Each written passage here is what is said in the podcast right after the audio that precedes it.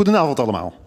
Mijn naam is eh, Arne van der Wal. Ik ben een van de oprichters van Follow the Money. En ik heet jullie allemaal van harte welkom hier in het prachtige Vondel CS. De zorg is een zeer actueel onderwerp. Het is een belangrijk onderwerp voor de komende verkiezingen. En het is ook een onderwerp dat heel veel Nederlanders bezighoudt. De zorg wordt steeds duurder, uh, hebben we het idee. Veel Nederlanders hebben het idee dat de zorg steeds slechter wordt. Of dat waar is, weet ik niet. In ieder geval is het wel zo wat veel mensen ervaren. Follow the Money is niet alleen de naam van ons bedrijf, ons journalistieke platform, maar het is ook ons journalistieke leidmotief. Het achterhalen en in kaart brengen van geldstromen is wat wij doen. En we doen dat om misstanden aan de kaak te stellen, maar ook om gewoon de waarheid te achterhalen. Tegelijk zijn we op zoek continu naar oplossingen, ook vanavond. Daarom gaan we met jullie een gesprek, gepeperd gesprek voeren over een partij die een sleutelrol speelt in ons zorgstelsel, namelijk de zorgverzekeraar. Een partij waarvan het bestaansrecht tegenwoordig nog wel eens ter discussie wordt gesteld. We doen dat met vier gasten, met elk hun eigen ervaring, hun eigen inzichten en hun eigen achtergrond.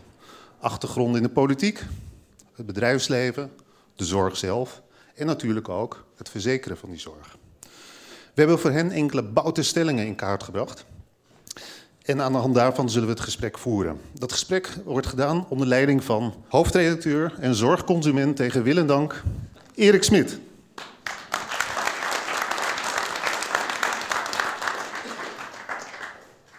Ja, dankjewel Arne. Ja, zorgconsument. Ja, ik brak uh, eind augustus mijn enkel met, met een potje voetballen. Uh, en toen kwam ik erachter dat, uh, hoe hoog het eigen risico was om te beginnen. Maar het ging wel heel snel. Ik was ook al heel erg tevreden over. En de rekening van de zorgverzekeraar heb ik, heeft mijn vrouw gezien. Dus daar kan ik eigenlijk niks over zeggen. Maar we gaan het vanavond wel over hebben, over die zorgverzekeraars. Daar is ontzettend veel over te doen. en het is natuurlijk eigenlijk gewoon een thema, een heel belangrijk thema voor de aankomende verkiezingen. Um, Vanavond word ik geassisteerd door Eelke van Ark. Dat is onze uh, zorgjournalist uh, die al vier jaar bij Follow the Money werkt. En uh, nou, hier is ze, Eelke van Ark. Kom erbij. Eelke, ja. jij bent met een boek bezig ook nu. Vertel er heel kort even iets over. Uh, dat is heel moeilijk, want er worden heel veel pagina's. het is echt een uitdaging om er heel kort over te vertellen. Uh, maar ik ben inderdaad bezig over een, uh, met een boek over, ja, over hoe dit zorgstelsel in elkaar zit. en hoe dat ooit bedoeld was. wat er wel aan goed ging en wat er niet aan goed ging. En ja, daar houden we maar even bij, denk ik. Nou, dat komt natuurlijk in de komende maanden ergens uit. Ja. Hè? dat is de bedoeling. Oké, jij gaat als eerste de gast aankondigen. Uh, ja, we hebben uh, vanavond uh, vier hele interessante, leuke gasten. Um, en ik denk dat ik de eerste... ja, ik weet niet of, of zijn naam u veel zal zeggen... maar deze kennisdirecteur van de Vereniging voor Arts en Auto... die spreekt voor duizenden zorgverleners. mag ik een warm welkom voor Edwin Brugman.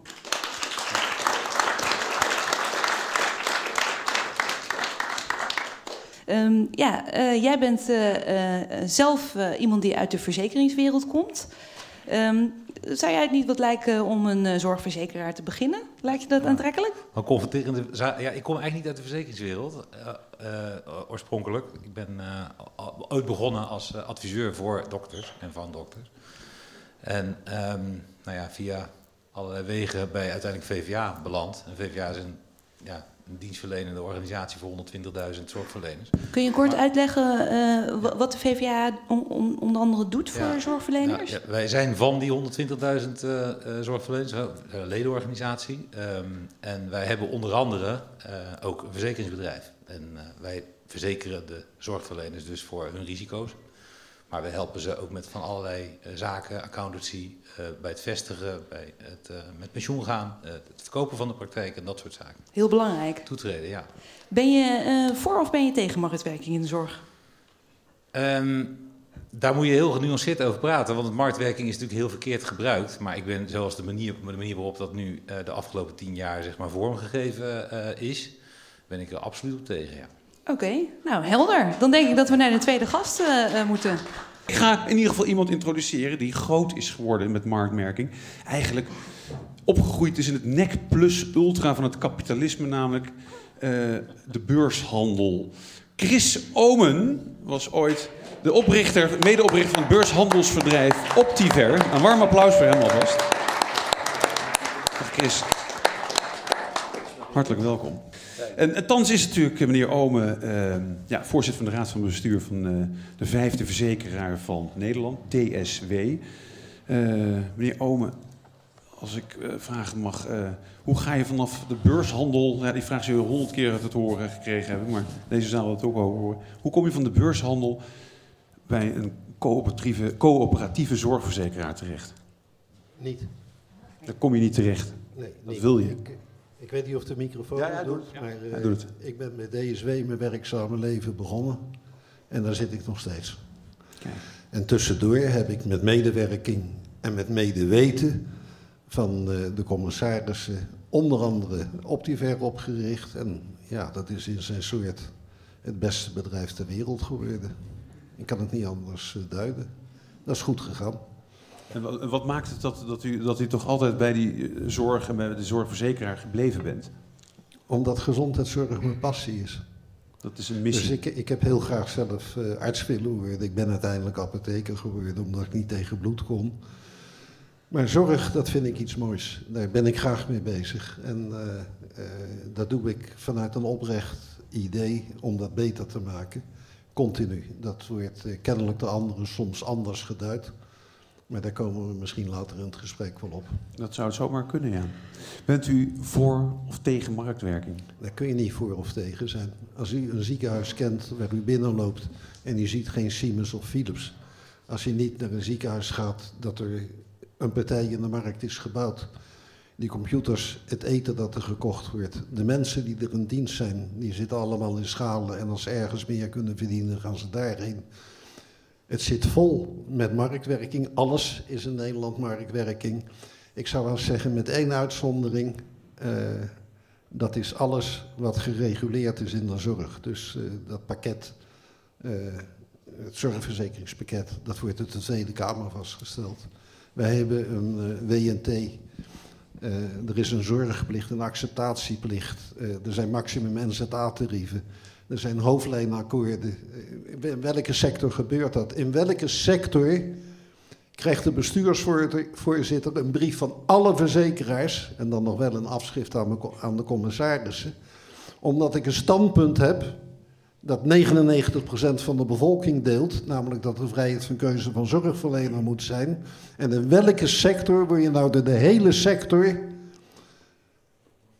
aangekeken als oud vuil en gewaarschuwd dat je dat standpunt niet mag hebben? Laat mij, laat mij raden. Nee, maar heeft dat iets met marktwerking eh, te maken in, in, in de vrijheid die wij als verzekeraars op zorggebieden heel weinig, behalve de hele rest waarin de zorgwereld zit.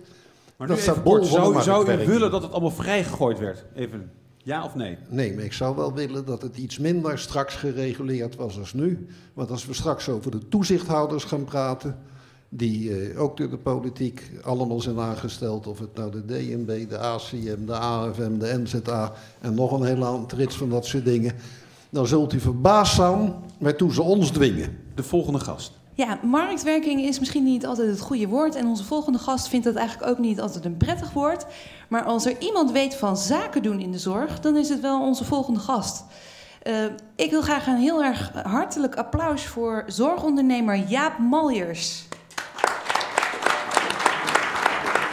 Meneer Ome, die, eh, eh, die wilde graag arts worden. U bent begonnen als arts, heb ik begrepen. Ik, ik heb de geneeskundestudie met succes gepasseerd. Oké, eh, maar er is een dokter in de zaal. die 30 jaar geleden zijn, zijn bulletje gehaald heeft, ja. Oké. ja, u bent, u bent dan op die manier de zorg, in de zorg beland. Maar u heeft een heel ander eh, carrièrepad gekozen eigenlijk dan je zou verwachten na een studie eh, eh, geneeskunde. ja. Kunt u even kort vertellen? ehm, ja, dat is eigenlijk bijna niet mogelijk, hè? Maar wat, wil- wat wil je dan kort vertellen? Kunt u kort toelichten wat u, ja, wat u op dit moment in de zorg doet?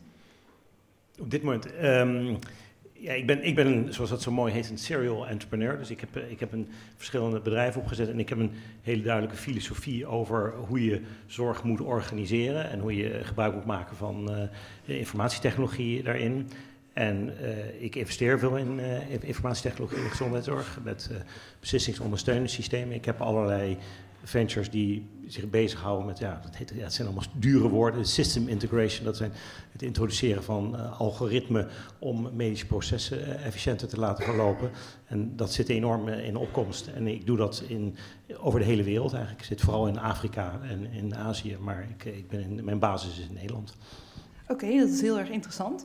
Ik heb van u gelezen dat, uh, uh, dat uh, als ik u vraag, bent u voor of tegen marktwerking, dat u dat eigenlijk vooral een kwestie van fatsoenlijk organiseren vindt.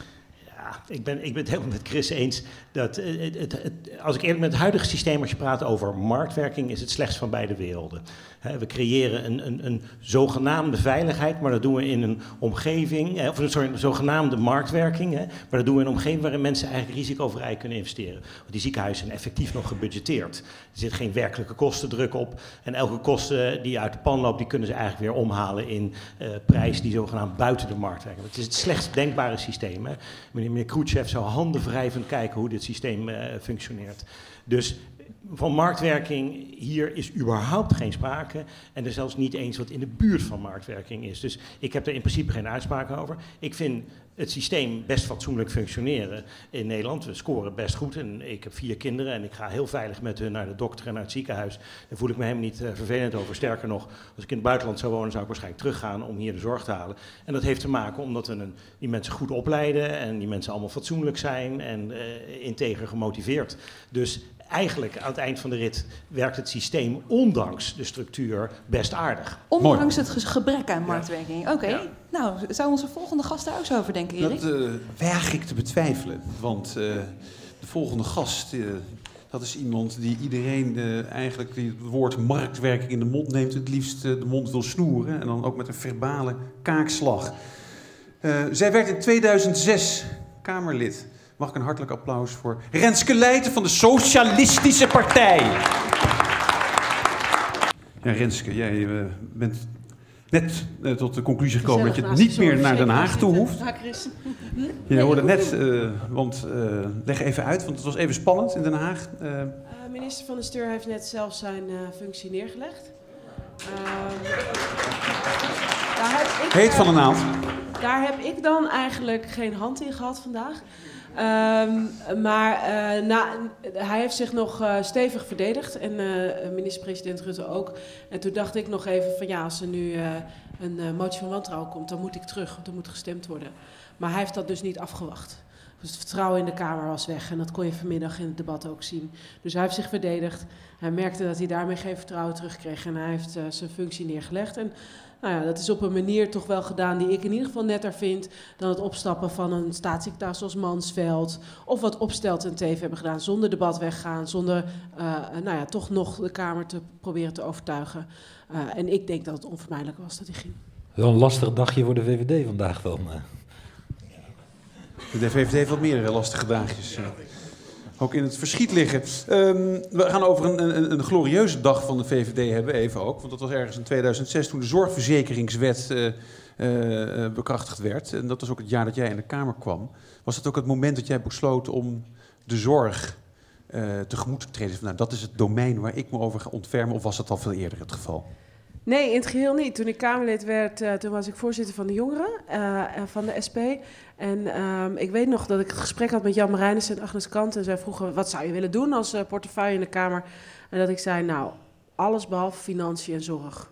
Vind ik zo ingewikkeld, dat hoeft allebei niet. En inmiddels ben ik woordvoerder gezondheidszorg.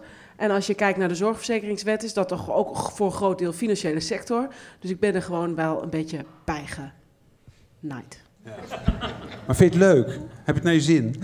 Nou, weet je, ik vind het Kamerwerk uh, um, eervol en belangrijk om te doen. Omdat je als volksvertegenwoordiger ook echt de stem van mensen in de Kamer kan brengen. Maar ik zou het niet kunnen doen zonder dat ik in contact sta en in beweging sta met mensen die ook daadwerkelijk uh, mij laten weten wat ze nodig hebben. Um, uh, dus ja, dat vind ik eigenlijk nog het leukst. Met elkaar op tafel gaan zitten. Waar gaat het fout? Hoe kun je dat oplossen? Wat zit je in de weg? Wat kan ik dan doen? Wat kan je zelf doen? En daarmee toch proberen politiek een instrument in handen van uh, anderen te geven. Volgens mij kan jij ook ondernemer worden als ik het zo hoor. Meneer Maljers, toch? Nou, we gaan het zo over hebben. Ja. ik ga nu eerst de overbodige vraag stellen, namelijk ben je voor of tegen marktwerking? Volgens mij moet je in het publieke domein geen marktwerking organiseren. En dan zie ik het zo dat bij marktwerking commerciële en geldverdienbelangen gaan meespelen terwijl het gaat om taken die voor iedereen beschikbaar moeten zijn: onderwijs, woningen, wonen, volkshuisvesten, maar ook uh, gezondheidszorg. Op het moment dat het een verdienmodel wordt, dan zal je ook zien dat de risico's uh, uh, worden weggeduwd. En laat nou juist daar waar risico's zitten in de gezondheidszorg de hoogste nood ook zitten. En dan heb je bijvoorbeeld over ernstig psychiatrische patiënten die hier in Amsterdam uh, um, wel geholpen worden door de zorginstelling, maar waarvoor de zorginstelling dan weer niet betaald wordt door de zorgverzekeraar, omdat die zegt dat kan ik niet controleren. Dus het is het bedrijfsrisico van de zorginstelling, de GGZ-instelling. En als die GGZ-instelling dus zegt in de toekomst: ik doe het niet meer, want ja, mijn bedrijfsbelang uh, is niet zo handig als ik dat blijf doen, dan zien wij de problemen op straat terug. Nog los van de persoonlijke problemen zijn dat grote maatschappelijke problemen.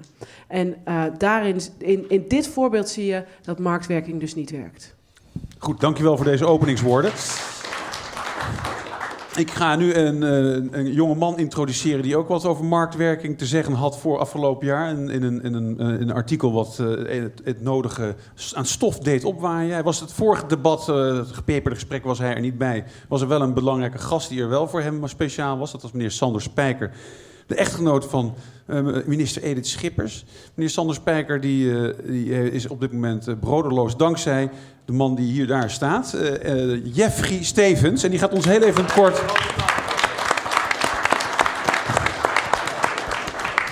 gaat ons in het kort heel even een, een, een de context geven van... Ehm, de microfoon van Ilke.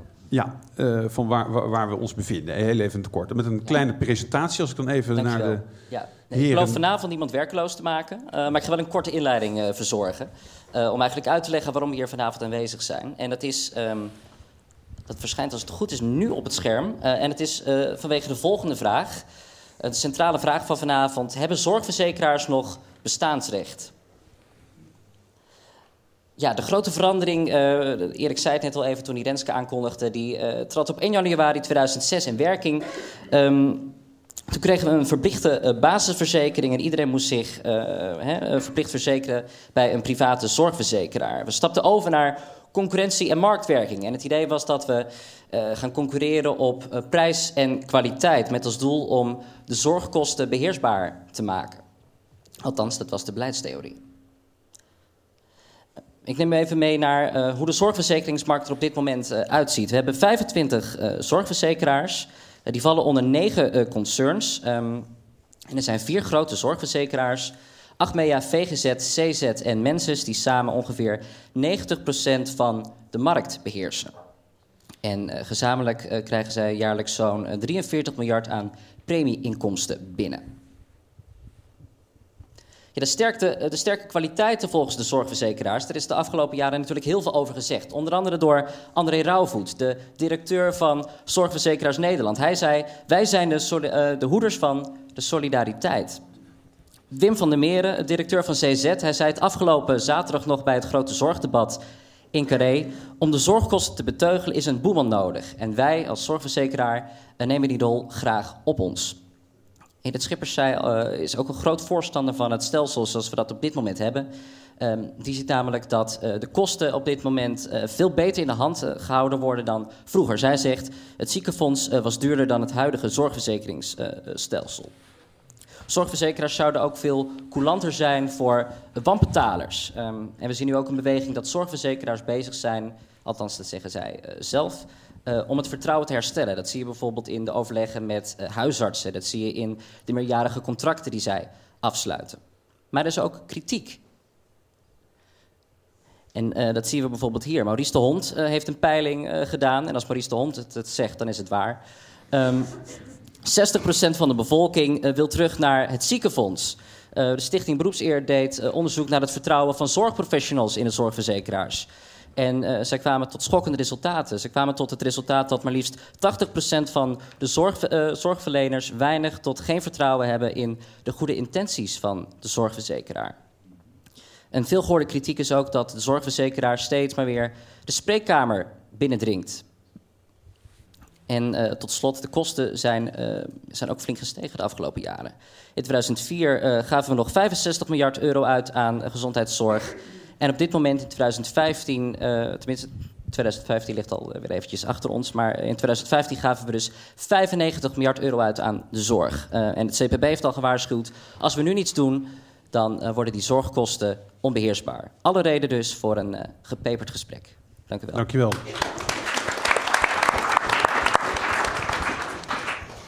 Nou, dan moeten we daar maar aan gaan beginnen, aan dat gepeperde gesprek. Ja, nee, zeker, Hilke. Ja, de stelling uh, eigenlijk die we, deze, uh, die we deze avond centraal hebben gezet is... Uh, nou, hebben die zorgverzekeraars, de vraag is het eigenlijk... hebben die zorgverzekeraars nou eigenlijk wel bestaansrecht? Um, en we gaan het zo doen, we gaan twee stellingen, of eigenlijk een soort van nou, twee stellingen... Behandelen. En daar laten we onze gasten op reageren. En dan daar als... komt de discussie over. Het dan gesprek. gaan we discussiëren. En daarna kijken we... elkaar over in de haren, wellicht. Maar dan de ene wil weer... de ander opheffen, trouwens, volgens mij. dus dat wordt vast spannend. Dat wordt spannend, dat wordt gepeperd. Um, ja, we beginnen maar met de eerste stelling. Zorgverzekeraars spelen alleen maar bedrijfje.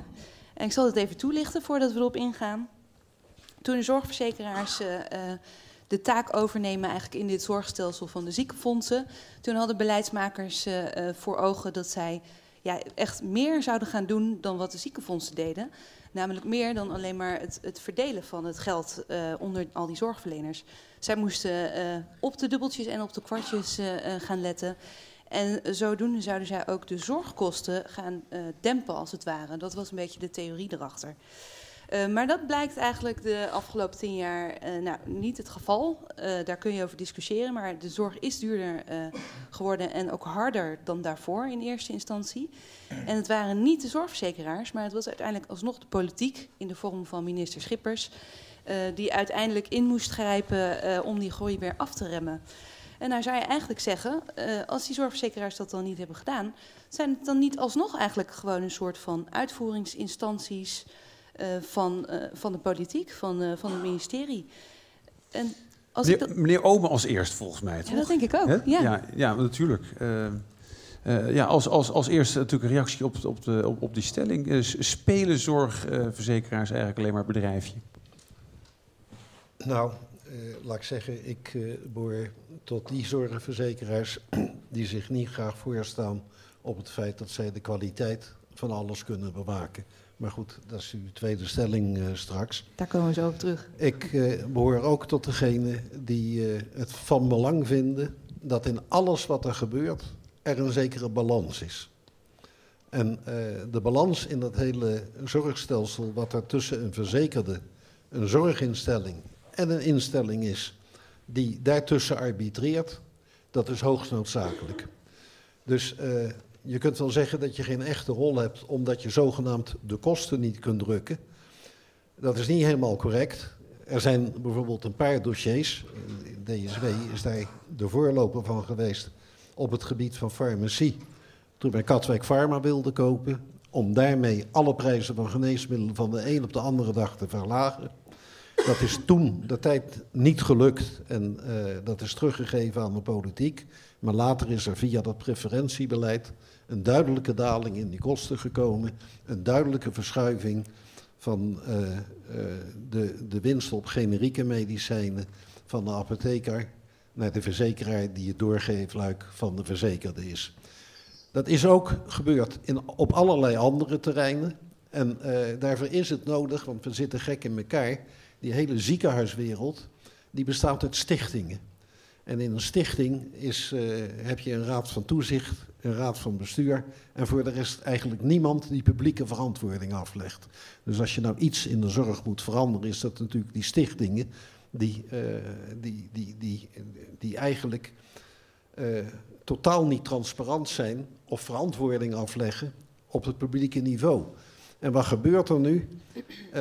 Als die specialisten die een inkomen willen verdienen, het niet merken dat er geen contract is met een zorgverzekeraar, dan gaat men klagen en wordt de bestuurder van het ziekenhuis weggestuurd. Dat is de reden dat die bestuurder van het ziekenhuis graag een contract sluit met een zorgverzekeraar. En dat zet toch, hoe je het went of keert, de prijzen onder druk. En die functie moet ergens vervuld worden.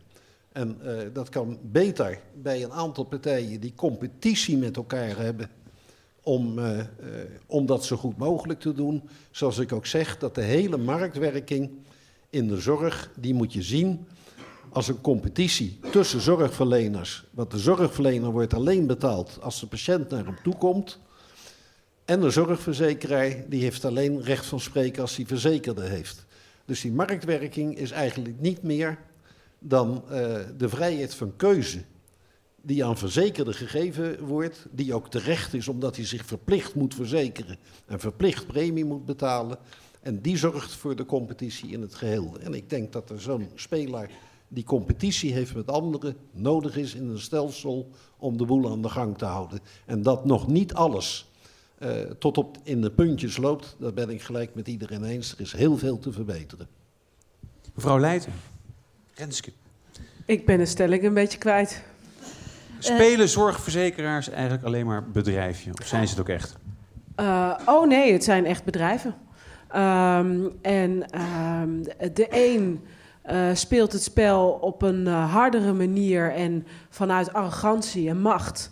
En de ander wat meer in overeenstemming. Ik zou zeggen dat dat wat Chris in zijn omgeving, in zijn regio kan doen, um, behoorlijk in de buurt komt van waar ik wel fan van ben. Uh, namelijk afspraken maken, uh, er dicht bovenop kunnen zitten. Ook daar waar er dingen misgaan met bijvoorbeeld PGB-fraude, dat sneller kunnen signaleren. Omdat je, doordat je heel regionaal georganiseerd bent, uh, daar snel lucht van krijgt. Maar ga maar eens even naar de Ivoren Toren in Leiden, waar onze vrienden van Achmea zitten. Of de Ivoren Toren in Eindhoven of Tilburg. Uh, en daar schrik je rot. En vooral Achmea heeft zich in de afgelopen dagen van zijn slechtste kant laten zien, wat mij betreft. Um, zij, uh, we hebben vanochtend een wetsvoorstel behandeld in de Tweede Kamer, waarin wij zeggen: winstuitkeringen bij zorgverzekeraars, dat willen we niet. Uh, ze, ze, werken met publiek geld, premiegeld van ons allemaal. Nominaal wat we betalen, maar via de belastingen betalen we evenveel. En dan worden ze in hun risico verevend. Wij vinden dat dat niet dat er geen winst op uitgekeerd moet worden. Dat gebeurt nu ook niet, want bij het begin van dit stelsel is er gezegd: de eerste tien jaar mag dat niet en daarna mag het wel. En wij zeggen dus eigenlijk: de huidige situatie bestendig je. Alle zorgverzekeraars hebben in het voortraject tegen ons gezegd: joh, dat is nodeloze wetgeving. Wij willen helemaal geen winst uitkeren. We hebben geen winstoogmerk. Helemaal niet nodig. Maar toen het bleek ingepland te zijn, dit debat, dat blijkt altijd op vrijdag, want dan komt de agenda. Kregen wij vorige week vrijdag om 7 uur een mailtje van Achmea. of we wel niet wisten dat de private stortingen in de zorgpoot zaten. Ja, voor 600 miljoen. Nou, denk je, goh, dat willen we toch eens even weten.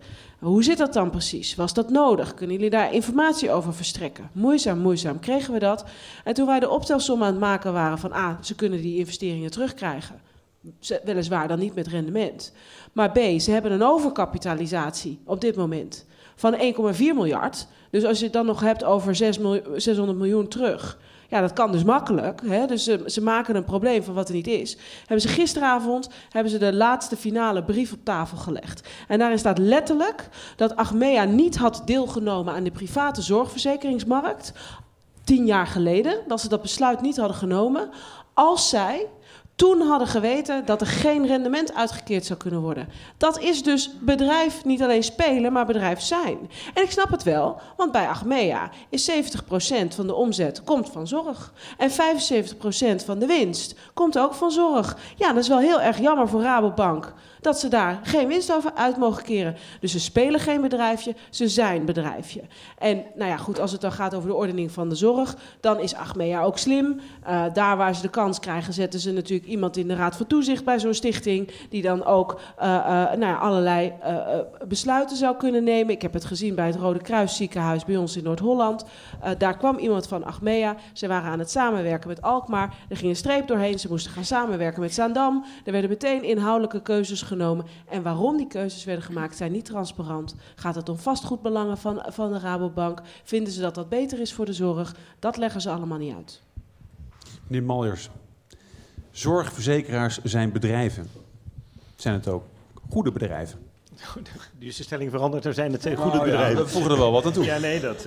eh, ehm, ja, kijk... Nou, u mag natuurlijk ook ik, ik, ben, ik, ben, ik ben natuurlijk geen zorgverzekeraar. Ik heb wel veel met zorgverzekeraars te maken gehad. Kijk, het probleem zit natuurlijk in wat, eh, wat Chris ook bij de introductie al zei. eh, dat je hebt een systeem waar je met zo ongelooflijk veel randvoorwaarden eh, te maken hebt. Dat je überhaupt geen, niet kan spreken over normaal functionerende organisaties. In de zin dat ze vrijheid hebben om, om in te kopen. En vrijheid hebben om prijs te bepalen. Vrijheid om, hebben om dingen uit te sluiten. Dus ik ben het wat dat betreft niet met eh, Renske eens dat het bedrijven zijn. Het zijn überhaupt geen bedrijven. Het probleem is, wat ik net al zei, het, op dit moment hebben we een stelsel met slechts van beide werelden.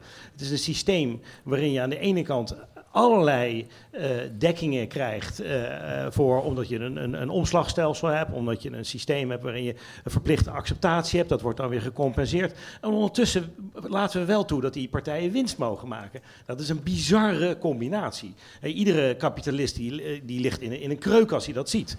Dus het, het, dat, er zit, het systeem is gewoon in zijn fundament niet goed Maar georganiseerd. de minister noemt het wel het beste zorgstelsel van de wereld. Ja, maar dat vinden, de, de- we hebben de meest tevreden patiënten.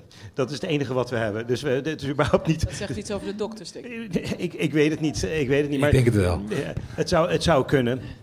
Maar eh, ik, ik als je een analyse maakt over, over die onderzoeken waar Nederland vergeleken wordt met andere eh, landen, kan je er nog best wel een, eh, kritisch over zijn, laten we het zo maar zeggen. Eh, maar kijk, het, dus, of ze nou wel of niet functioneren als bedrijf, eh, het, het centrale thema eh, wat je hier eigenlijk aan de orde zou moeten stellen is van wat is je visie dan hoe het systeem wel eh, eh, moet gaan functioneren? En, eh, Daar gaan we op het eind eh, van deze avond uitgebreid op terugkomen. nou, dan, eh, dan, dan hoop ik dat we dat halen. Dus dat, ja, nee, dat gaan we zeker halen. Maar ehm, u heeft ongetwijfeld ook... Maar daar gaan we het zo ook even over. Ik wil even meneer, meneer Brugman even aan het woord horen. Ze- een andere stelling? Of? Eh, nee, nee, we gaan nog steeds over dit, eh, dit begin. En even de, de, de opening zetten, zeg maar. Waarbij je even iets vertelt inderdaad over jouw kijk op, over, op, op zorgverzekeraars. En je hebt mij, vertelde mij voor de, dat we hier gingen zitten dat je daar genuanceerd over denkt. Ja, en dat ze zo aardig zijn voor, voor door. zorgverleners, waar jij veel mee te Nou ja, maken hebt. kijk, ehm, wij, wij als VVA hebben wij in 2013 en 2014 eh, ons sterk gemaakt eh, samen met een aantal partijen, eh, onder andere ook Renske, maar ook DSW, voor het behoud van de vrije artsenkeuze. Dat is een principieel vraagstuk waar, waarvan wij denken dat eh, zeg maar, voor de vertrouwensrelatie van patiënt en zorgverlener heel belangrijk is dat die kan blijven bestaan. Nou, daar hebben we moeten knokken tegen eh, de belangen van de grote zorgverzekeraars, hè, die daar eh, een enorme grote voorstander van waren om dat af te schaffen. Als een, eh, en ik denk dat, dat, dat Chris, de club van Chris DSW dat wel goed heeft laten zien. Hè, dat als je nou inderdaad ook echt van en voor die verzekerde bent, dan kijk je primair naar de belangen van die patiënt, van die verzekerde. Die combinatie. hè. Dat is ook overigens niet altijd even makkelijk, hè, want patiënten zijn niet sorry, verzekerden zijn niet allemaal patiënt. Worden ze uiteindelijk wel een keer, dat vergeten heel veel mensen. Maar je, je, je, be- je beoogt dan natuurlijk bepaalde principes te borgen. En dat doe je normaal gesproken minder als je bedrijfje speelt. Dan ga je toch iets meer kijken naar de belangen die erachter zitten. Nou was het zo, nou hebben we tien jaar lang gehoord van de minister, van ook verschillende politieke partijen, zelfs journalisten die daar heel weinig kritisch op waren, dat we allemaal coöperatieve organisaties hebben die die verzekeringen regelen. Dus iedereen eigenlijk in Nederland dacht van jongens, dat zijn allemaal clubs, daar zijn wij zelf eigenaar van, via, de, eh, via ledenstructuur. Dus als daar nou geld wordt verdiend, tussen aanhalingstekens, kan dat niet uit. Dus het is niet zo dat, ehm, dat, dat dat weglekt. Nou blijkt dat dus niet zo te zijn. En dat weten we achter de schermen wel, alleen de marketingmachine van inderdaad met name Achmea, eh, Zilveren Kruis, Friesland eh, en in het verleden ook nog Agis, ehm, wat allemaal bij elkaar geveegd is, eh, ja, is er heel goed in geslaagd om het gevoel te geven dat dat ook een coöperatie was. Je ziet het ook in de jaarverslagen, coöperatieve achtergrond, dat is niet hetzelfde. Vervolgens blijkt nu inderdaad door het initiatiefwetsvoorstel van onder andere Renske, maar ook CDA en eh, PvdA, dat Achmea compleet in paniek is en nu dus eigenlijk zeg maar, breekt met de stelling van de afgelopen tien jaar. Ja, wij hebben wel die winst nodig. Dus die verzekerde 5,5 miljoen mensen, die zijn bij Achmea verzekerd. Die hebben dus premie betaald. En daar staat een paar miljard op de plank. En blijkbaar wil iemand dat hebben, althans in ieder geval een stuk. Dat is bedrijfje spelen. En dat is volgens mij ook gewoon hartstikke slecht voor. Uh, uh, en het is ook voor mij onbegrijpelijk dat Zorgverzekeraars Nederland dan zo'n stellingname steunt als principe. Uh, dan, dan ben je zo ver afgedreven zeg maar, van de zaken waar je eigenlijk voor bent. Even los van het feit dat je genuanceerd kunt denken over de vraag of dat wel of niet goed is. Uh, ik ben in ieder geval ook heel blij dat dat initiatiefwetsvoorstel waarschijnlijk wordt gesteund in de Tweede Kamer. Volgende week, dinsdag, is de stemming. En dat gaat worden gehaald, hoor ik net. Maar, um, maar, maar het, is, is, het, is, het, is, toch ja. ook goed dat, we, dat, dat, dat er organisaties zich als een bedrijf organiseren? Nou, nee, nee, nee, nee, waar het om gaat is efficiënt en doelmatig. Hè, wat ze dan zelf zeggen van de zorg wat dan constant moet gebeuren. En op het moment dat jouw streven blijkt nu primair te zijn om uiteindelijk ook winst uit te keren, dan is natuurlijk iedere discussie die je daar voorafgaand hebt gevoerd, vanuit het perspectief van nee, maar het is, we doen het alleen maar voor de verzekerde, dat is gewoon niet waar. Want dat doen we niet alleen dus maar u voor heeft, de U verzekerde. heeft de, de, de Achmea op zijn minst op een leugen betrapt, zou je kunnen zeggen. Maar het gaat natuurlijk hier ook om, echt om functioneren deze organisaties nu goed of niet goed. Hè? Nou nee, dat is, Eh, en dat is een ander punt. Dat doen ze dus niet. Hè? Want als je kijkt, hè, dat, dat er is natuurlijk heel veel gedaan, ook in de lobby, vanuit eh, Zorgverzekeraars Nederland. Hè. Wij, wij zijn de regisseurs van de zorg. Eh, er, is, er, is, er zijn bakken met geld uitgetrokken, eh, ook door de grote zorgverzekeraars, met investeringen, eh, waarbij zeg maar, eigenlijk op een gegeven moment de, de dialoog tussen patiënt en zorgverlener is verbroken. Dat moest allemaal via de zorgverzekeraar. Eh, eh, dus de, de, de Nederlandse Patiënten- en Consumentenfederatie. Reageert u vooral, meneer Omen? Je? Breekt gewoon in hoor, als u wilt. Eh, Ja, als meneer eh, Brugman iets zegt waarvan u denkt, nou... Nou ja, ik, ik, ik begin steeds meer het gevoel te krijgen dat hij het in ieder geval niet over ons heeft. Nee, nee dat, dat klopt, dat klopt. Dat is waar. Maar, maar is het daar niet een, eh, een deel van het probleem? Want Nee, u maar- heeft dat met DSW nee, maar- natuurlijk nou, maar een... ik, eh, ik, ik denk dat we toch voor Achmea het onderscheid moeten maken of je winst kunt uitkeren vanwege de basisverzekering of vanwege je aanvullende verzekeringen. Daar, daar, daar, daar zit echt een verschil in. Maar wat, Chris, wat de basisverzekering, basisverzekering. Ons wetsvoorstel gaat alleen maar over de ja, basis. wat de basisverzekering betreft is het allemaal kul. Achmea heeft de niet handige zet gedaan om met eh, een alliantie met Rabo te kweken. De Rabo wil natuurlijk zijn geld terug op de een of andere Meer dan manier. ooit, kan ik u vertellen. Dat hebben ze, Ja, dat ja, hebben ze eh, ook aan het volk laten weten door het belang in Achmea af te waarderen van 2,5 miljard eh, naar 1,8 miljard. Ze hebben er wat ledencertificaten extra voor moeten uitgeven. En ze zullen er vandaag achter gekomen zijn dat die afwaardering tot 1,8 miljard veel te weinig is. Renske zei nog vriendelijk dat ze 75% van de winst uit eh, de zorg haalde. Maar dat is volgens mij iets meer dan 100% zelfs. We gaan het nu even echt over het... het- Maar het- even een Ja? van de dingen, hè. Ehm, die zorgverzekeraars die zijn dus bedrijven en laten we het dan maar niet meer over winst hebben, maar rendement. Ze moeten in ieder geval ronddraaien en rendement is ook wel nodig, want ze hebben solvabiliteit nodig, hè, want ze moeten aan allerlei buffertaken voldoen, want het zijn financiële instellingen en we weten sinds de bankencrisis die kunnen omvallen, dus die moeten buffers hebben. Nou, die moeten dus eigenlijk uit de premies ha- gehaald worden, hè. dus er zit eigenlijk al wel druk op die premies om daar in ieder geval geld op over te houden om dat in die buffers te steken. Ehm, eh, en, Verplichte buffers, hè? precies, precies. En er is natuurlijk ook een enorme precies, er overkapitalisatie. gaan ook in, op, op meneer Malders zegt, al die verplichtingen horen daar ook bij. Hè? Nee, maar weet je, het perspectief wat deze bedrijven hebben is een ander op gezondheid en hoe je dat ordent. En, de, en dat wat de, de, de motivatie zou zijn van hulpverleners, van artsen, wat de motivatie zou zijn van patiënten, waren ze consumenten. Ze hebben een ander perspectief, ze spreken een andere taal. En altijd op het moment dat je het hebt met zorgverzekeraars over patiënten, dan moeten die patiënten eigenlijk wel even geremd worden. Dat zie je eigenlijk ook terug in het eigen risico. Zit ook wel in het hoofd van de politiek. Alsof het over onnodig zou zijn. Alsof je gezellig gaat winkelen bij de, bij de VU als je zaterdagmiddag niks te doen hebt. Nou, ik ga daar met mijn kinderen niet winkelen, kan ik je zeggen. Ehm daar ga je naartoe als het nodig is. Als een huisarts heeft gezegd, ga daar maar naartoe om je te onderzoeken. Eh, dat is dus een heel ander perspectief dan het consumentenperspectief wat die verzekeraar in zijn hoofd heeft. En als het gaat over de hulpverlener, de zorgverlener, die heeft een andere motivatie eh, ehm, eh, dan gedacht wordt door het bedrijf zorgverzekeraar. Het bedrijf zorgverzekeraar denkt, die is ook uit op winstmaximalisatie. Op zoveel mogelijk doen. En dat moeten we remmen. Dus als we, eh, als we niet zeker kunnen weten of de arts dat allemaal doet omdat het nodig is, moeten we dat Re- laten registreren. Meneer Mallers, ik registreren, heb wel eens registreren, gelezen- registreren. En dat is de bureaucratie, en wantrouwen, waar iedereen gek van wordt. Die twee verschillende talen, dat is het grote probleem. En dat levert die bureaucratie op. De in- ik heb wel eens, meneer ik heb van u wel eens gelezen dat, dat, dat, eh, dat, dat de inefficiëntie waarmee de huidige zorg opereert, dat het eigenlijk eh, eh, nog veel, veel meer geld kost. Eh, en dat het eigenlijk een, een- inefficiëntie door het eigenlijk niet bedrijfsmatige Het, eh, ja, kijk, het, het, het probleem is... Het, kijk, kost veel meer geld, je kan- met je andere kan het woorden. heel- En dat is ook een Je maatschappelijk kan het heel makkelijk met, met iedereen eens. En, en ik ben het zelfs meer met, eh, met Renske eens dan, dan ze zelf zou denken. Eh, het, e- het enige... kijk, er zit, een, er zit een, een kernprobleem in, in het systeem. Is namelijk dat de manier waarop zorgverzekeraars gedwongen worden... of zichzelf eh, opleggen. Op de manier waarop ze naar, naar het systeem kijken, is dat ze heel erg vanuit conventionele structuren kijken. We hebben in Nederland ongeveer eh 75 algemene ziekenhuizen. Dat zijn allemaal duplicaten van elkaar. In Amsterdam hebben we zeven spoedeisende hulpen. Eh, als je vergeet remmen op de A10, Amsterdam is een dorp, hè? ik woon er, 800.000 inwoners. Eh, zeven spoedeisende hulpen die allemaal zeven keer 24 uur eh, per week open zijn. Maar kijk, ik ben geen politicus, maar ik wil wel uitpraten.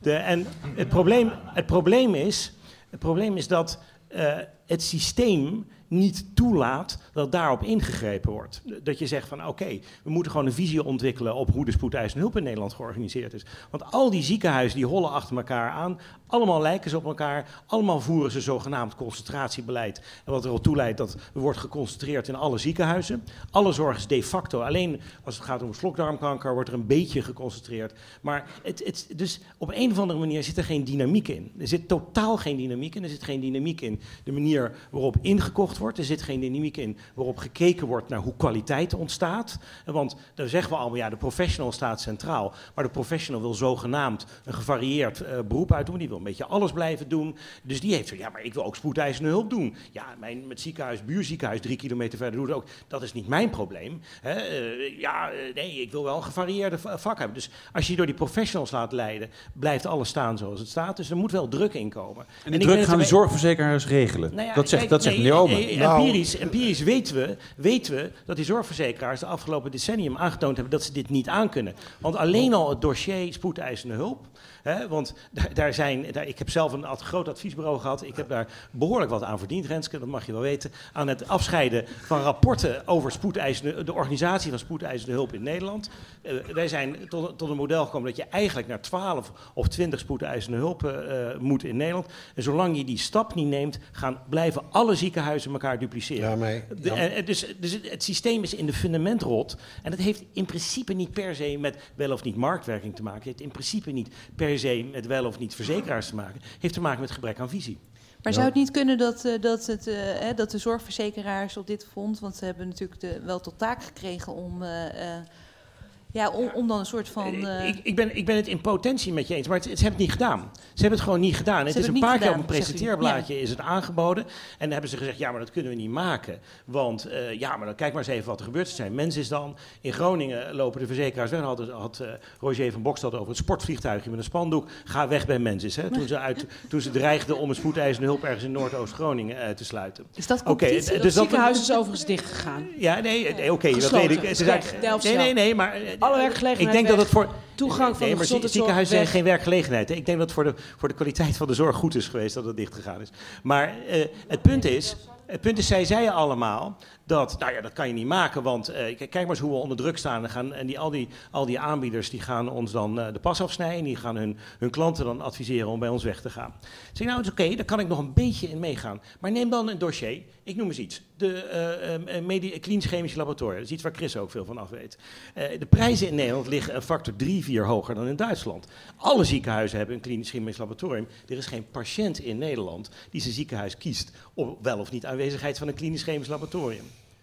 De zorgverzekeraars blijven het vrolijk inkopen. Allemaal, overal. ja, maar dat, dat eh, staat inmiddels heel sterk onder druk, Jaap. Dat, Maar na tien eh, jaar pas, hè? Dat- het- dat zeg ik, er is nog veel te verbeteren. Dat staat erg onder druk. Die polyklinieken, ik weet dat het je hobby is, daar ben ik het niet eh, helemaal met je over eens. Maar wat heb ik dan gezegd over polyklinieken? Nou, dat er af polyklinieken de spoedeisende hulp.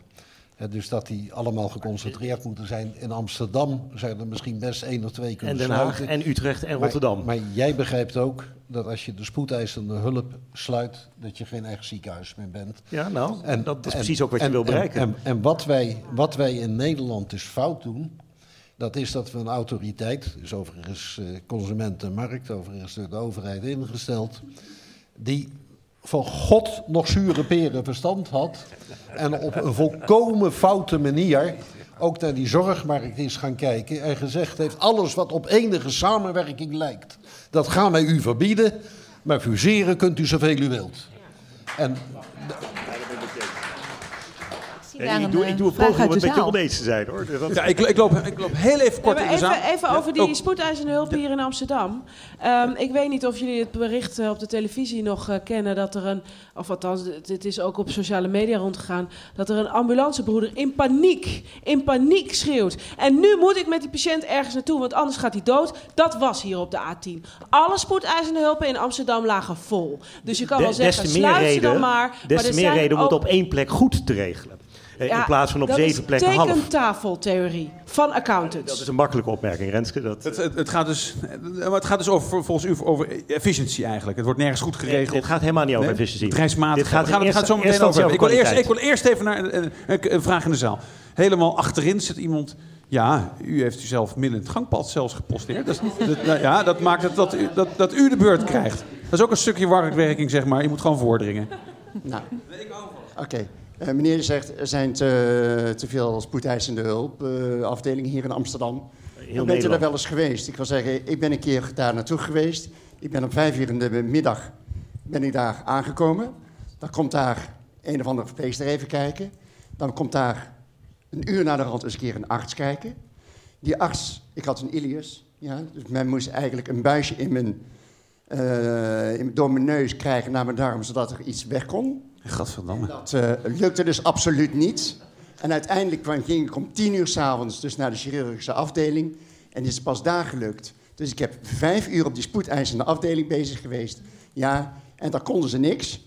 Ja, en nou, ben verschillende andere keren ook met andere familieleden naar een spoedeisende hulp gegaan. En op normale wijze kun je zeggen, als je daar naartoe gaat, ben je ongeveer drie uur à vier uur bezig voordat je geholpen wordt. Maar- Dus u, u, u maar- zegt maar- de kwaliteit die, die is niet goed genoeg. Ja, nee, maar ik ben, ik, ben, ik ben het helemaal met... Als er veel te veel zijn, waarom moet het dan zo lang duren? Ik, ik kan het heel simpel, ik ben het volledig met u eens. Eh, het probleem in het systeem is, en eh, we moeten het niet te veel over spoedeisende hulp, want er wordt als een hele technische discussie. Het probleem is, precies wat u aanhaalt, is omdat het zo dun verspreid is, zit er nergens iemand met echte expertise. Eh, dus dan krijg je dus een zogenaamd triagesysteem. krijg je een zogenaamd triagesysteem waarin je door een getrapte eh, professionaliteit heen gaat.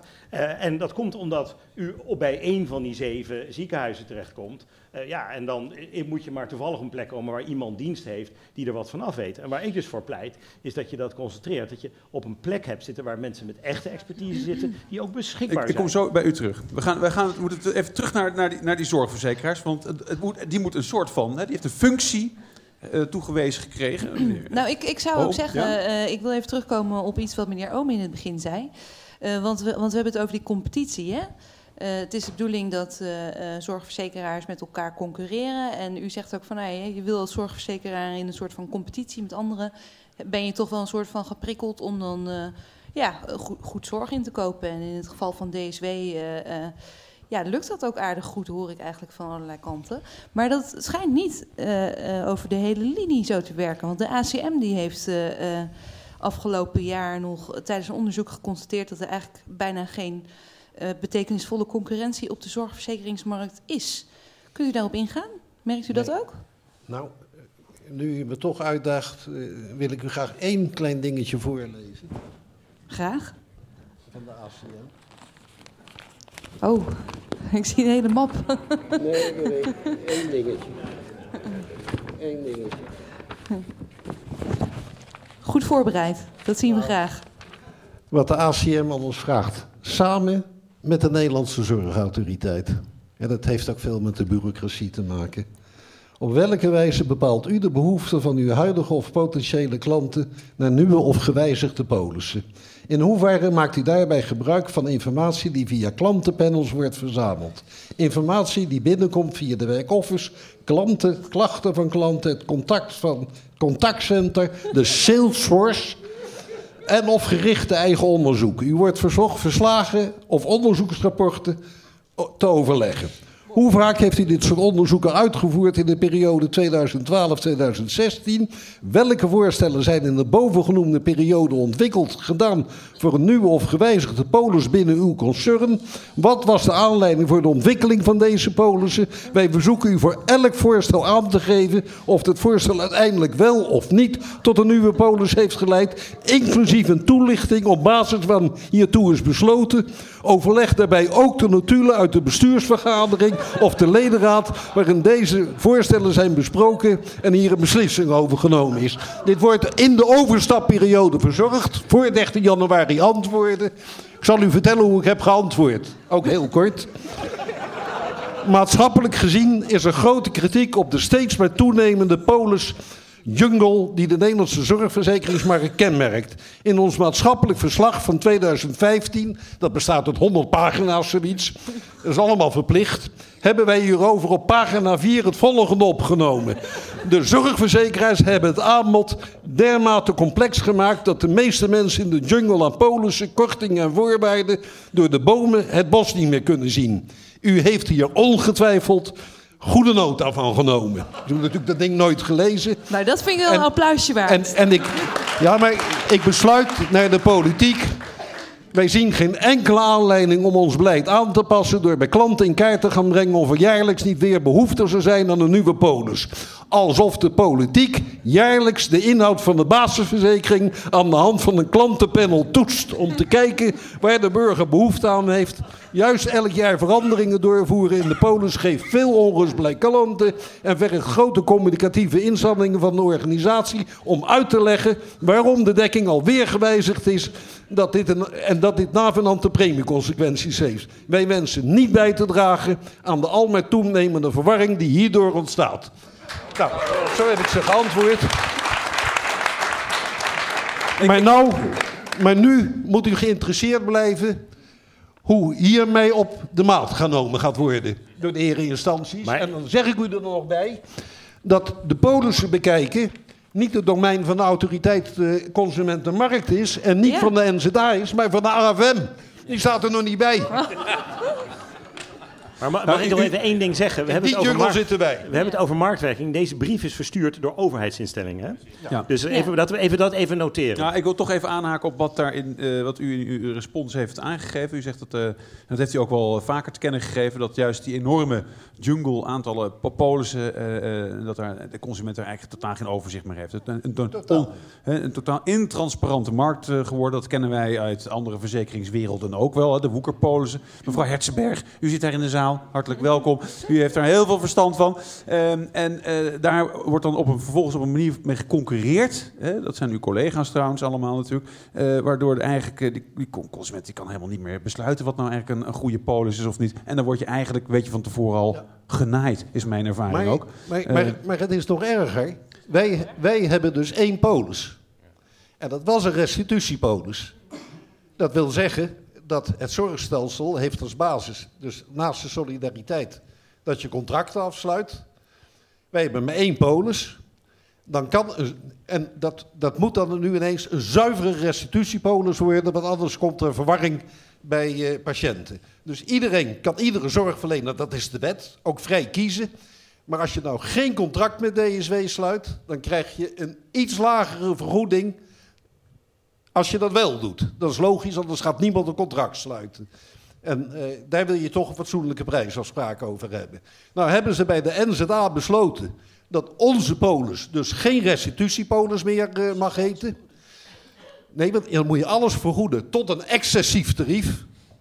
Nou, dus eh, nu weet niemand meer wat een echte restitutiepolis is. Want boven het excessieve tarief krijg je niet vergoed. En mensen weten niet wat een excessief tarief is. Dus er is grote onduidelijkheid bestaan. Terwijl de NZA tot doel heeft de burger te informeren wat de ene polis is en wat de andere polis is. En hij heeft dat nooit gedaan, hè? En, en nooit gedaan. En nou zijn wij dus, de enige als kleine verzekeraar, want alle grote verzekeraars hebben een restitutie en een natura en een combinatiepolis en, en, en, en, en, en zo'n budgetpolis. Eh. Al, al, die, woeker, al die oplichtingen bij elkaar. Wij kunnen dat überhaupt niet hebben. En we hebben er maar één. En omdat we er maar één hebben, hebben ze ons de hak gezet. Onze NZA, maar wel ingezet eh, door de overheid. Want daardoor zijn ze uiteraard ontstaan. En daardoor krijg je al dit soort rotzooi. Maar eh, Chris, ik, ik, dit vind ik wel interessant wat jij hier zegt. Dat jij hier door een hak gezet bent en dat jij hierdoor nadeel hebt. Ehm, Chris en ik kennen elkaar overigens goed. Ik ga regelmatig wel eens bij Chris praten. Komt niet altijd jaarlijks van pas. Maar die kan mij feilloos uitleggen wat nou de makke is van zo'n budgetpolis. Zo'n budgetpolis worden mensen dus ingerommeld door hier weer Zilveren Kruis Achmea. Want dan zit je bijvoorbeeld bij een collectiviteit. Een collectiviteit van de hoogovers. Ik woon in Haarlem, hier in de buurt. Zitten daar veel mensen die in het verleden gewerkt hebben bij de hoogovers of de partner. En die hebben nog een collectiviteit van de hoogovers, tegenwoordig Chorus. Die mensen zijn allemaal in één jaar omgezet in een budgetpolis en wisten dat helemaal niet. Krijgen post van Zilveren Kruis Achmea, dat is al jaren goed. Ik zit bij een collectiviteit, zal wel goed zijn. En mevrouw breekt haar heup, moet naar het ziekenhuis, is niet gecontracteerd of ze even 20.000 euro wil betalen. Daar zijn wij toen eh, achteraan gegaan, het ziekenhuis eh, wilde het verhaal wel doen. Die mevrouw wilde het verhaal wel doen. Dus dat hebben we groot uitgepakt in de krant. Overigens op de dag dat de stemming was over de vrije artsenkeuze. Dus dat kwam toen eh, vrij goed uit. Eh, omdat die, die, dat is meteen in de Eerste Kamer ook gelezen. Van, oh, dit is dus de gevolg als je dat vrouw, vrije artsenkeuze verandert. Maar dat is... Dat is zo nadelig voor de patiënt en de verzekerde, maar tegelijkertijd ook nadelig voor de onderhandelingspositie. Want die budgetpolis die sluit dus bepaalde contracten selectief af. Eh, het ziekenhuis, wat geen contract heeft, heeft natuurlijk wel gewoon zijn normale kosten. Dus door wie worden die dan betaald? Door een andere zorgverzekeraar, door andere verzekerden. En als zij een korting weten te bedingen op de budgetpolis, als ze die afsluiten bij één ziekenhuis, ja, het ziekenhuis heeft wel gewoon zijn kosten. Dus die korting moet door een andere verzekeraar worden betaald. Dus door andere verzekerden. Dus de vraag is natuurlijk of zo'n budgetpolis überhaupt wel mag. En daar had de NZA op in moeten grijpen. Die had gewoon moeten zeggen, ja, dat mag niet. Maar, maar, maar het antwoord is dat één, zo'n budgetpolis eigenlijk precies hetzelfde en overal moet vergoeden. Eh, Zeker de spoedeisers zijn ze toe verplicht. Nog erger, tij- tijdens onze nieuwjaarsviering heb ik een toespraakje gehouden. En daarin heb ik eh, het tienjarig bestaan eh, gevierd van de zeekuurpolis. Dat is dus ook zo'n eh, budgetpolis. Ik heb uitgerekend hoeveel goedkoper de zeekuurpolis over die tien jaar was ten opzichte van de DSW-polis. Nou, ik kan u vertellen dat is meer dan 1400 euro over die tien jaar. Dat komt overeen als heel Nederland die zeekuurpolis gekost- eh, gekozen had. Dat we 20 miljard bespaard hadden. Dat is dus ruim twee keer zoveel als die veel te grote reserves van alle verzekeraars samen. En wat zegt de NZA nu in zijn rapport? Ja, er zijn dat soort polissen. eh, maar die zijn eigenlijk zo winstgevend. dat die bijdragen aan het dempen van de kosten van de anderen. En, en dan zeggen ze: ja, het is weliswaar risicoselectie. Maar omdat alle verzekeraars dat doen, dat is niet zo. Want die kleintjes, die kunnen dat überhaupt niet doen. Wij kunnen überhaupt geen, eh, geen polis hebben die dingen uitsluit. Eh, die krijgen dus allemaal hun fair share. En daarom hebben ze het nodig. En omdat het eigenlijk bijdraagt tot demping van die polissen, is het eh, goed werk. Maar Ik, hoor- ik hoor u, mag ik even is een inbreken? overheidsinstantie. Laten ze dan gewoon de waarheid zeggen. Dit is risicoselectie en het is verboden. Want alleen iemand die patiënt is, die gaat nooit over naar een budgetpolis. Ook al kan hij dat gerust doen. Hij gaat het niet doen, want hij vreest dat hij iets niet vergoed krijgt. Wat hij ook Ja. in die budgetpolis Dus dit is ook risicoselectie. Het is het uitnodigen ja. van mensen die gezond zijn om zo'n polis aan te gaan in de hoop dat je niet ziek wordt. Dat geldt ook voor het vrijwillige eigen risico. Eh, dat je zegt, nou geef mij dan maar 500 euro risico erop, dat kan ik wel betalen of ik word zeker weten niet ziek. Die kortingen die daarop zijn, die worden dus betaald door diegenen die dus die keus niet hebben. Dat is gewoon de, nou ja, niet de solidariteit organiseren, maar juist de tweedeling organiseren. En dit is inderdaad idioot. Dat debat hebben wij in de Kamer ook gevoerd over dat rapport. Eh, de NZA is een stempelmachine voor het beleid van de minister. En is wat dat betreft wel een overheidsinstelling, maar geen, absoluut geen onafhankelijk. nou, dat niet alleen. Het is daarnaast ook natuurlijk zo dat uh, de NZA uh, ook, uh, ook in een officieel rapport van de commissie Borstlab, als ik me niet vergis, ook beschuldigd is van te nauwe banden met zorgverzekeraars en met de farmaceutische industrie. En zorgverzekeraars en de farmaceutische industrie, dat zijn private ondernemingen. En wat je ziet is dat die, met name die hele grote organisaties. Uh, uh, we, Chris heeft ruzie gehad met binnen Zorgverzekeraars Nederland. Werd natuurlijk met de nek aangekeken, omdat hij ze beschuldigde van, zeg maar, ja, bijna, ja, je hebt volgens mij geschreven, kartelvorming. Uh, en wat, wat daar dus gebeurt, is dat er zeg maar, ook een beetje met een zweem van wij zijn een soort overheidsorganisatie. Ja, dan, dan, dan teamen wij met, met, met, met, met, met de Nederlandse Zorgautoriteit. Ja, en zo heb je natuurlijk een beleid gekregen dat inderdaad heel erg erop gericht was om dit stelsel zeg maar, te promoten. En daarvoor was het noodzakelijk dat de zorgverzekeraars een soort zichtbare waarde kregen in de maatschappij. wij zijn voor dit en wij zijn voor dat en wij bepalen de regie van de zorg. En die NZA laat zich niet alleen voor het karretje van de minister spannen, maar ook rechtstreeks voor die van de grote vier zorgverzekeraars. En dat is natuurlijk hartstikke gevaarlijk. Dus eigenlijk uh, hoor ik je zeggen, het is een beetje uh, uh, eigenlijk wat, wat Jaap Maljers zo straks al zei, het slechtste van twee werelden. Hier versterken beleidsmakers en de verzekeraars Ja, en, en, dan ook nog eens een keer met een marketingsausje. Als je kijkt wat er vervolgens ook nog gebeurt, hoeveel communicatiemensen niet ook weer vandaag in die Kamer hun best doen om ik zeg maar, de frame op te houden van, nou ja, maar het is allemaal echt voor de zorg voor de verzekerden. We halen de, van die 5,5 miljoen mensen halen we er een, misschien een miljard uit, maar het is allemaal voor de verzekerden. Ja, ja ik begrijp het niet. Over die, uh, over die marketing gesproken naar buiten toe. We hebben het straks ook al eventjes aangesneden. Uh, zorgverzekeraars zijn de regisseurs van de zorg. Dat uh, laatste bestrijding. Dat, daar komen we nu ook bij. We, ehm, we hebben onze tweede stelling. Uh, en die luidt: De kwaliteit van zorg bepalen is veel te ingewikkeld voor zorgverzekeraars. Dat, dat is natuurlijk vanuit het idee dat uh, uh, die zorgverzekeraars die hadden niet alleen tot rol om te concurreren op prijs en de kosten te drukken, maar die zouden daarbij dan ook nog eens de kwaliteit van zorg in, ja, in het oog moeten houden en eigenlijk moeten kunnen controleren. En daar gaat een heleboel mis. Ik, ik, ik nou, voel dat u staat te springen om nou ja, in te daar haken. gaat een heleboel mis. Kijk, ik vind de kwaliteit van zorg, die moet door de zorgverleners zelf uh, bewaakt worden. Uh, dus u bent het eens met de stelling eigenlijk? Nou, uh, Renske Leijt uh, was ook bij het Roer moet om in de Rode Hoed in Amsterdam. daar is letterlijk over tafel gegaan van alle verzekeraars, grote verzekeraars, dat zij de kwaliteit niet konden bepalen. Van en ik heb toen gezegd, er gaat u dan niet aan het eind van het jaar weer lopen roepen dat u op kwaliteit inkoopt.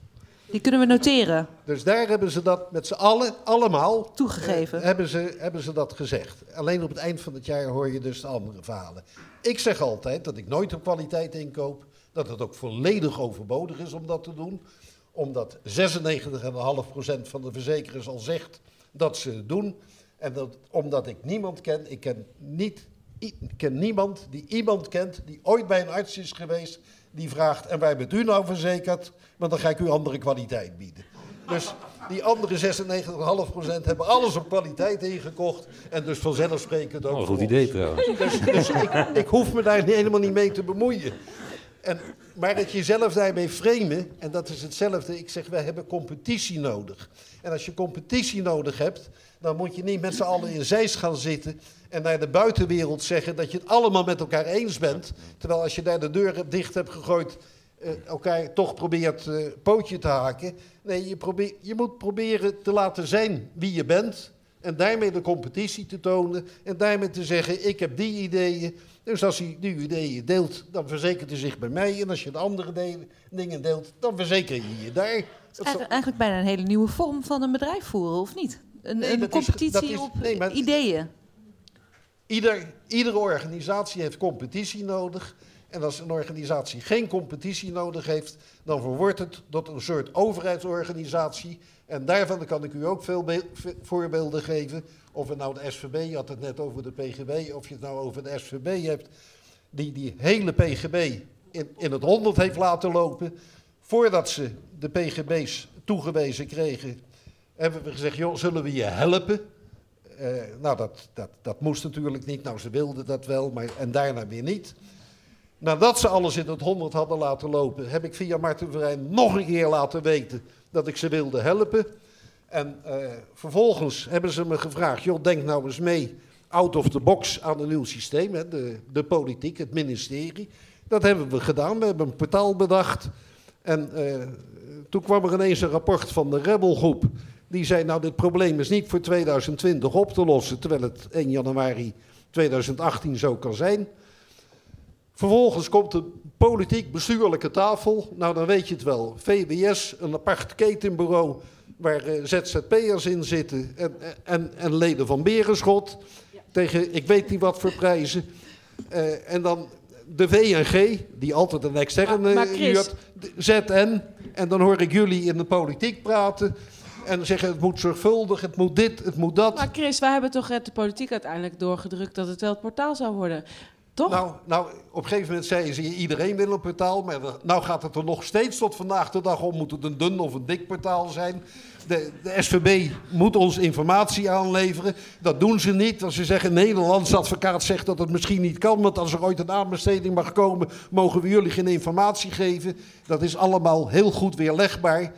Het is gewoon obstructie, obstructie, obstructie. En ik heb nu gezegd tegen die mevrouw die dan nu het ketenbureau leidt... ik laat het nu begeleiden door de pers. Dus alles wat u nu doet, iedere obstructie... dus als je het als Folly de Money wil volgen... dan wil ik je iedere Bij keer, deze? als zij wat doen... dan zeg ik, kijk, en nou willen wij dit... En dat krijgen we niet. Dus we wilden informatie van de SVB. Ze hebben daar één man voor die er alles van weet. Die is op een ander dossier gezet. En, uh, ja, want, en dan wordt er een, een externe ingevlogen. Die natuurlijk van toeter nog blazen weet. En daar kunnen we alle informatie van krijgen. Obstructie, obstructie, obstructie. En de politiek neemt daarin niet Meneer het voortouw. Uh, en dan- mensen vragen mij dan nog af waarom, waarom ik helemaal niet meer in Nederland, Nederlandse gezondheidszorg actief wil zijn. Dankjewel Chris voor deze toelichting. Maar nee, ik wil even, want volgens mij de stelling was van eh, kunnen zorgverzekeraars op kwaliteit inkopen? Dan Ja. Even, even toch even teruggaan naar, eh, naar de stelling. En eh Chris' verhaal gaat erover, wat mij betreft, alle illustratie die Chris geeft is een grotesk overheidsfalen hè, die, je daar, die je daar illustreert. Maar oké, dat dus, dus het is bijna tegenovergestelde van marktwerking. Dus kennelijk hebben we marktfalen en overheidsfalen in het systeem. En dat, dat heet een uitdaging. Maar kijk, de, de, het de probleem is, wij praten nu over het inkopen van zorg. Alsof Ja. dat een homogeen product is. Zelfs als ik tegen je, laten we eens even vervoer inkopen. Dat is de eerste vraag die je stelt. Praat je over een Amsterdamse stadsfiets? Praat je over taxis? Praat je over eh, het vliegen naar Tormelinos? Waar praat je eigenlijk over? Ja. En je zal zien dat als je naar de gezondheidszorg kijkt, dat, en we houden eens op met te praten over ziekenhuizen als homogene entiteiten. We houden eens op met praten over eh, huisartsenzorg als een homogene entiteit. We gaan nadenken over, ja, wat willen we nou eigenlijk voor mensen die diabeteszorg nodig hebben? Wat willen we voor mensen die spoedeisende hulp eh, nodig hebben? En wat voor organisatievormen eh, zijn daarvoor nodig? Dan zal je zien dat op onderdelen je heel erg goed op kwaliteit kan inkopen. Alleen het probleem is, wij blijven maar vasthangen aan organisatievormen die van voor de vorige, halverwege de vorige eeuw ontstaan zijn. Ziekenhuizen, de eerste lijnse infrastructuur. Dat zijn in feite organisaties die zichzelf overleefd hebben. Die bestaan alleen maar bij de gratie van het feit dat ze gefinancierd worden. Eh, maar ik beloof je, als je naar een ziekenhuis kijkt en, je- en je ziet, eh, er- zit een oogarts in. Die oogarts heeft net zoveel met de traumachirurg te maken als met de lokale groenteboer. Maar ze worden wel in één financieel model geschoven. Je, ze worden wel in mag- één inkoopmodel geschoven. En dat werkt niet. We moeten gedifferentieerd gaan kijken naar hoe het systeem organiseert. Ja, Oké, je- Renske? Echt waar, als je hier zegt dat huisartsen iets van de vorige eeuw is en dat die zichzelf alleen maar overleven omdat ze gefinancierd worden,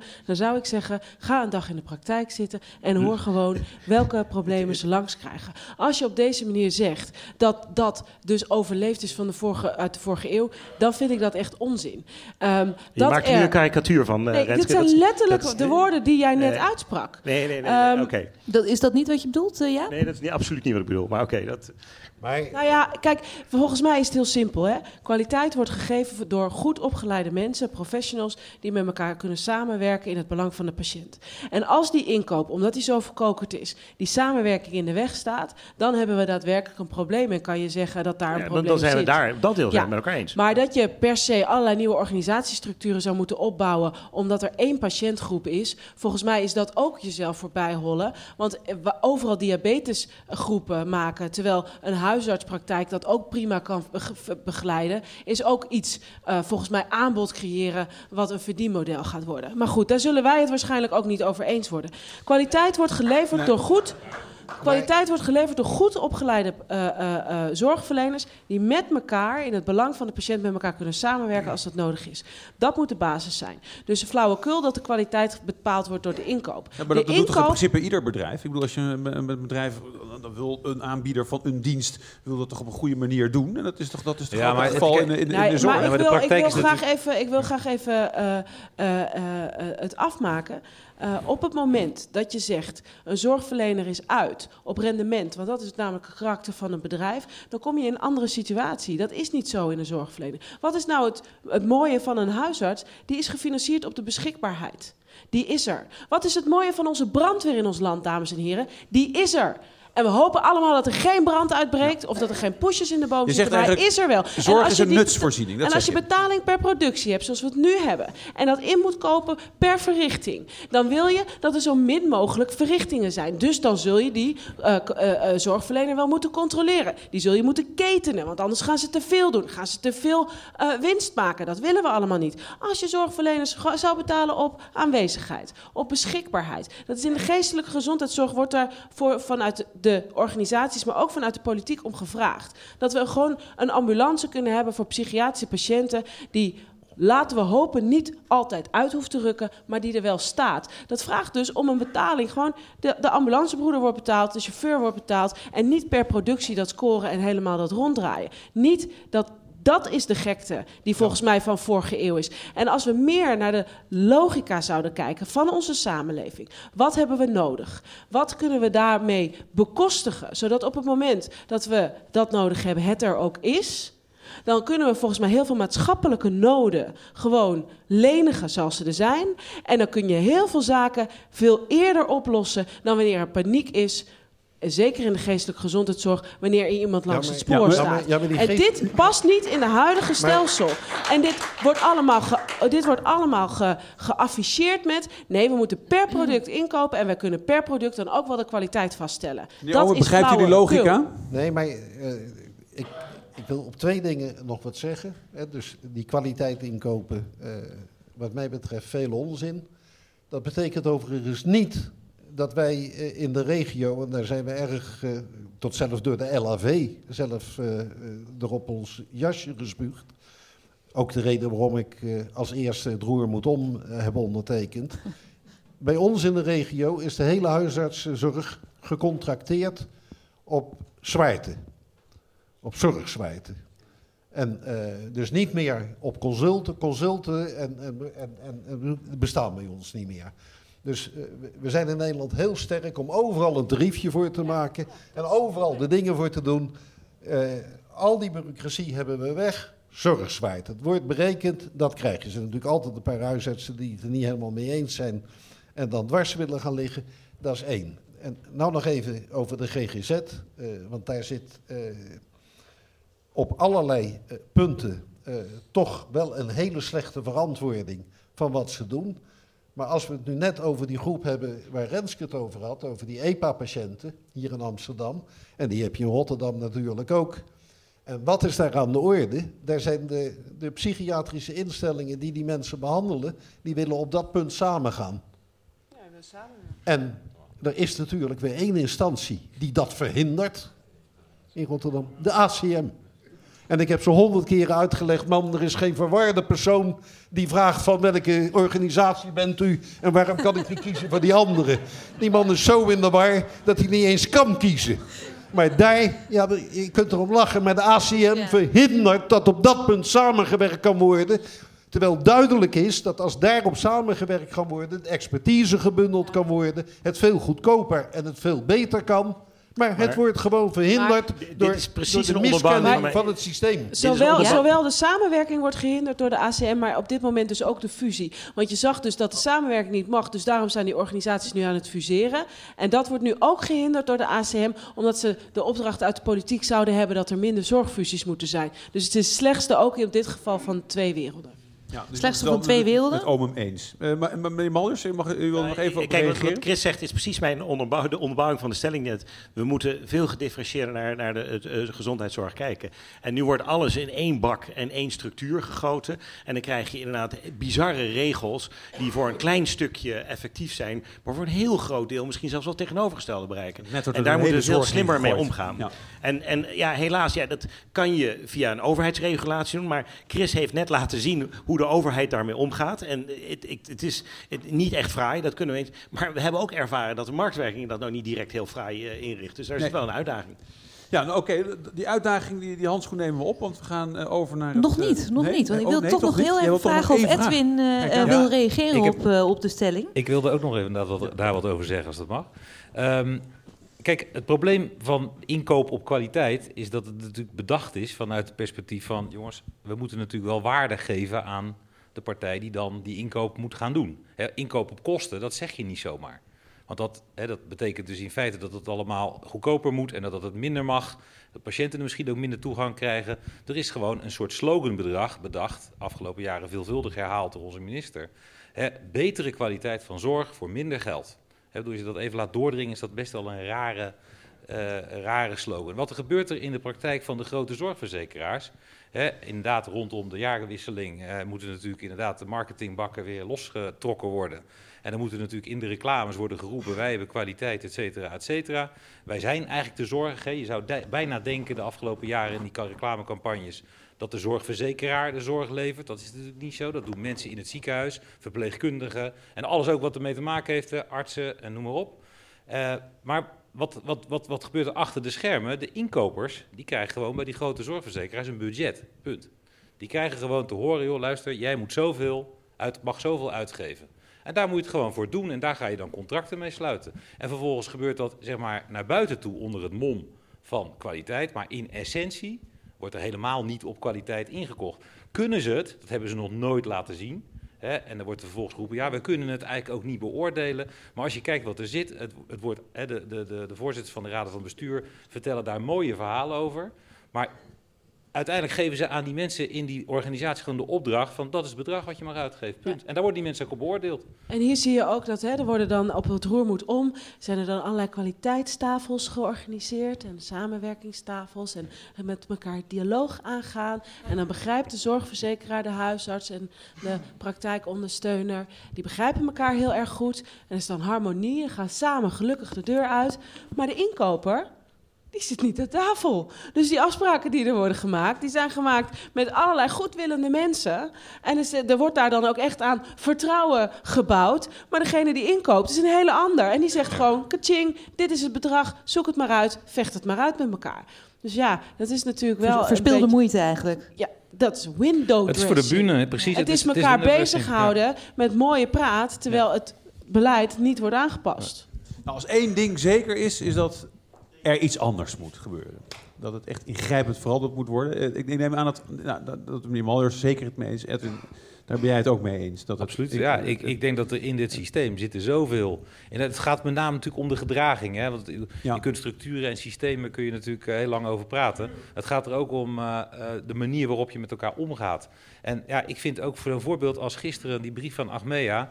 Ja, dan komt eigenlijk een beetje de aap uit de mouw. Van tien jaar lang uh, ja, window dressing. Ik kan het ook Ja. niet helpen. Dat dat dus blijkbaar heel anders is dan We gaan, we, gaan, we gaan het nu eens even be- hebben over wat er anders kan. Dus, ehm, eh, en hoe we dat kan. We moeten even constructief deel ook aan dit, aan dit gesprek eh, hebben. Ehm, eh, voordat we daaraan gaan beginnen wil ik nog even twee dringende vragen uit het publiek beantwoorden. We lopen wel iets uit, dat u dat hopelijk niet erg vindt.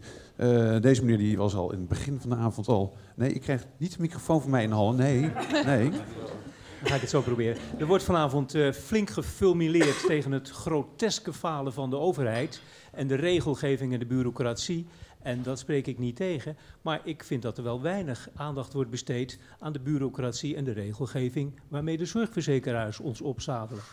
De zorgverzekeraars hebben de taak gekregen om eh, de zorg betaalbaar te houden. Maar om dat te doen sturen ze boekhouders af op de professionals... die ze overladen met tabellen en lijsten die we moeten invullen... en vinkjes die we moeten zetten. Ik ben, ik ben Gert Redijk, ik ben psycholoog en psychotherapeut... en ik ben meer dan 30% van mijn tijd kwijt aan deze absurde bureaucratie. En dat is tijd die niet kan worden besteed aan de zorg. En dat, is, dat maakt de zorg duurder in plaats van goedkoper. Nou ja, en mag ik daar mag ik daar iets over zeggen? Want een van de belangrijkste aspecten die hier ook natuurlijk het gevolg van zijn. Hè, want inderdaad, 30% van de tijd kan dus niet aan andere zorg worden besteed. Dus het kan natuurlijk ook gewoon goedkoper als je die ellende ervan weghaalt. Het is inderdaad zo dat negen zorgverzekeraars donderen die ellende allemaal op verschillende manieren over de tafels van. Uh, nou, maar even, even mijn punt uh, ma maken. Um, de, dat, dat, dat gebeurt natuurlijk al een aantal jaren en elk jaar ook wel weer wat anders. Het is natuurlijk inderdaad zo dat de overheid ook het nodige doet. Dan hebben we nog inspectie en noem maar op. Maar die informatie wordt dan vervolgens weer gebruikt om het dan weer anders te sturen, anders te drukken. Er valt niet over, er is er lange tijd is er niet over uh, gesproken. Je mocht niet uh, zeg maar, daar iets van zeggen, want dan was je eigenlijk negatief, want dan tastte je de de, de, de stappen die werden gemaakt om de kwaliteit te verbeteren. Want al die, die, die rapportages en dat gevink, dat zou dan moeten leiden tot betere zorg. Het heeft natuurlijk de zorg duurder gemaakt. Een soort zelfcensuur. Ja, nou ja, is... maar nog, nog maar, een ander belangrijk punt. Wat, ander punt. wat er ook gebeurt, is dat de bezieling van die zorgverleners, van de, van de, van de verpleegkundige tot de dokter, van alles wat ertussen zit, wat, wat in die ziekenhuizen zeg maar, met patiënten bezig is, die mensen worden gek. het was... Um, maar overigens, overigens Edwin, Edwin, jij neemt het hartstikke goed op voor die dokters. Dat is ook jouw achterban.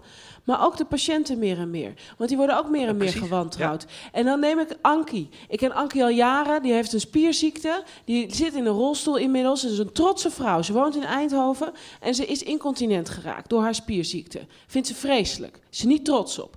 Ieder jaar wordt zij gebeld door een callcenter ingehuurd door haar zorgverzekeraar om haar te bevragen op hoe ze slaapt, wanneer ze slaapt, wat ze eet, wat ze drinkt. Want die tabellen zijn hele persoonlijke vragen. Of ze daar buiten gaat, dat soort zaken. Want uit die tabellen komt dan rollen of zij per dag drie of vier incontinentiematerialen krijgt. Alsof zij zou denken: Goh, lekker man, ik neem eens even een nieuwe luier. Het is idioot. Maar dat is, daar is dus iemand op een callcenter een uur mee bezig. Dus data-gedreven vooruitgang. Dat is, nee, ja, dat is geen er helemaal voor. Die gaat dat, dat is zo meteen. Ja, ho, ho, ho. Even een moment. Toch, nee, maar ja? toch nog even. Nog even een interruptie op dit. Op dit, nee, op, de, op dit punt. Uh, op wat, deze manier, ja. De psychologie. Ja, dat, want één, uh, uit, uit, uit dit verhaal blijkt dat de clubs te groot zijn. Dus je hebt meer competitie en kleinere clubs nodig die dat kunnen begrijpen. Nou, even over de GGZ. De huisartsen, dat heb ik al aangegeven, daar hebben we de bureaucratie weggedaan. Doordat we met de hele regio contracteren met een tussenpersoon erbij en daar heel veel over spreken hoe we doen. En de huisartsen zelf de controle over hun eigen handelen geven. Bij de GGZ hebben we te maken met de NZA, met onze verantwoordingen, waaruit ieder verslag vastgelegd moet worden. Dat verzinnen wij niet. Die moeten vastgelegd worden. En overigens is de GGZ er voornamelijk zelf schuldig aan dat men nooit op een fatsoenlijke wijze in het verleden aan een soort benchmarking heeft willen doen. Dus gewoon op een gevalideerde wijze een patiënt uh, innemen en op een gevalideerde wijze bij het eind van de behandeling en dan kun je zien hoeveel behandelingen en wat de prijs is. En dan kunnen wat mij betreft al die verslagen achterwezig blijven. Want ik kijk gewoon naar wat erin komt, wat eruit komt en wat er geleverd is. Punt. Korte reactie. Korte reactie.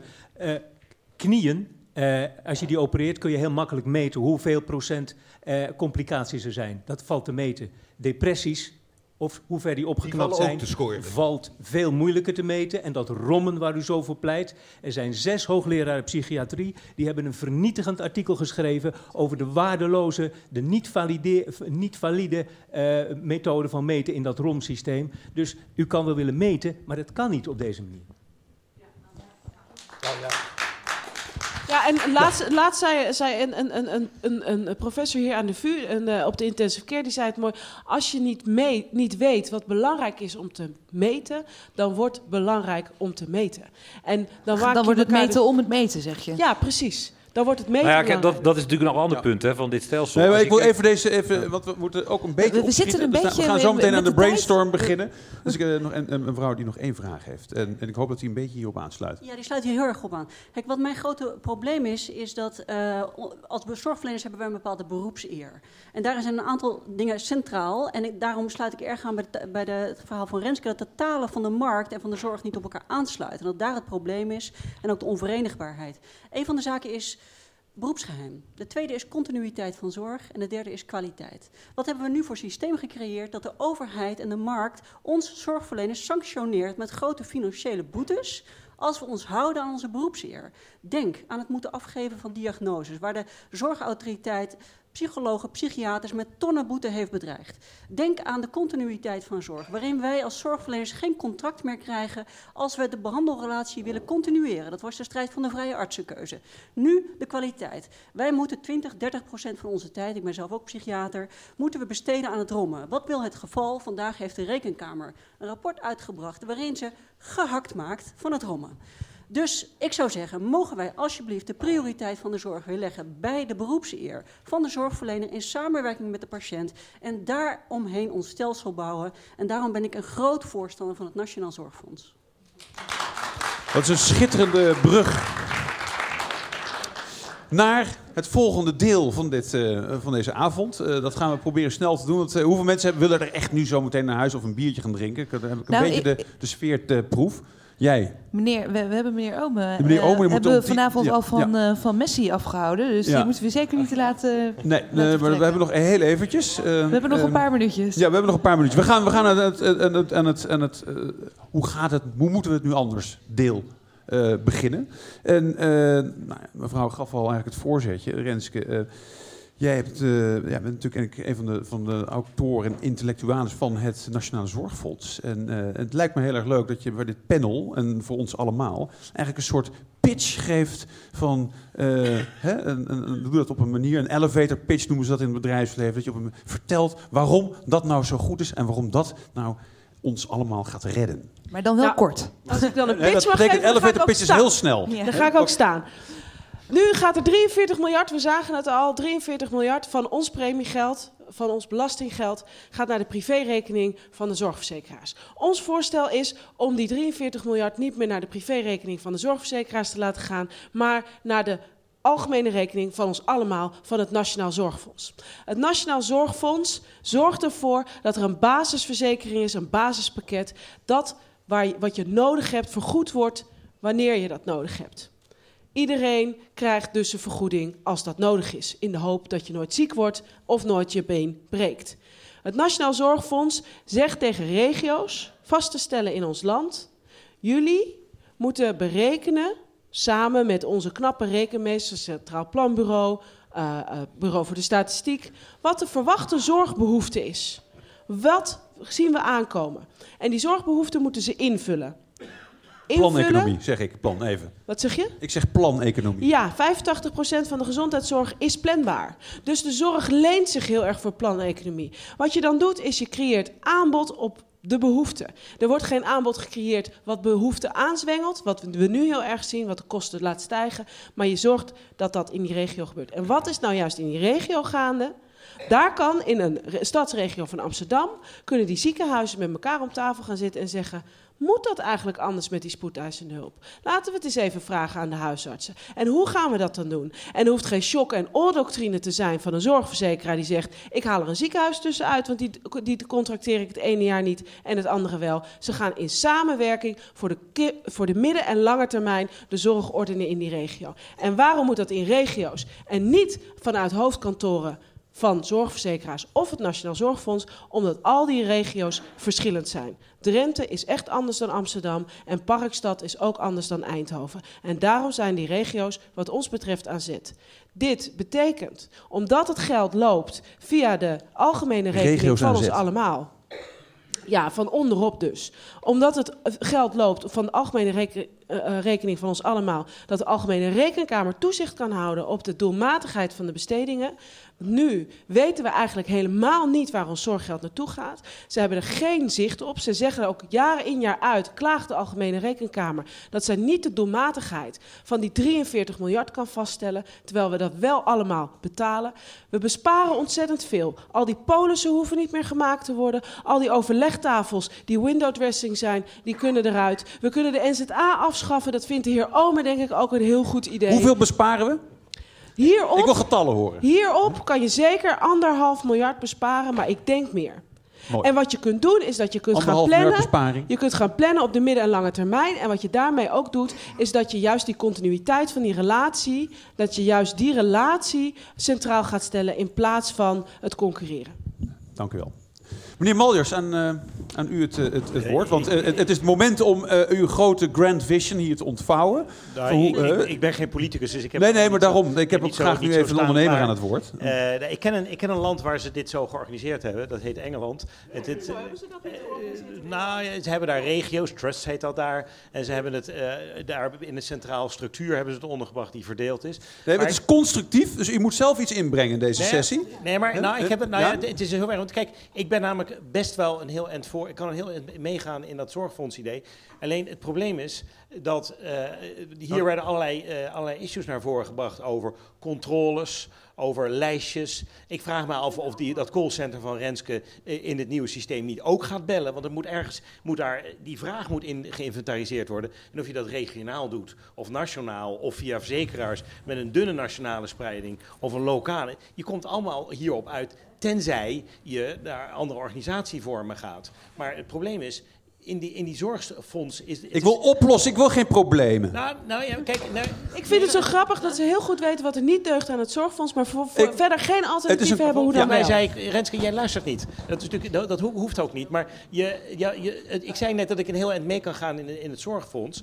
Het probleem is alleen, ik zie niet hoe die bureaucratie daarin eh, eh, verdwijnt. En hoe die, hoe die structuren daarin verdwijnen. Ik denk dat dat, je had het net over, uh, over Nee, maar dit is niet het moment om het zorgfonds af te kraken. Ik wil, u zegt, nou, Renske is aan bod geweest, die heeft een verhaal verteld over het zorgfonds. Daar gaan we even, dat, is- dat Nee. parkeren we even. Ik, Ik- zou graag willen dat, dat, dat, dat u ook zegt, wat, wat, wat is nou uw visie op hoe we het wel moeten doen, als Ja, dit je het niet je is? vraagt een ondernemer om met een macrovisie te komen. En dat is, dat is in dit geval heel lastig. Ik ben nou geen ja, daar zit er politicus. eentje in het Witte Huis die nu... eh? Het kan allemaal tegenwoordig. Dus. ah.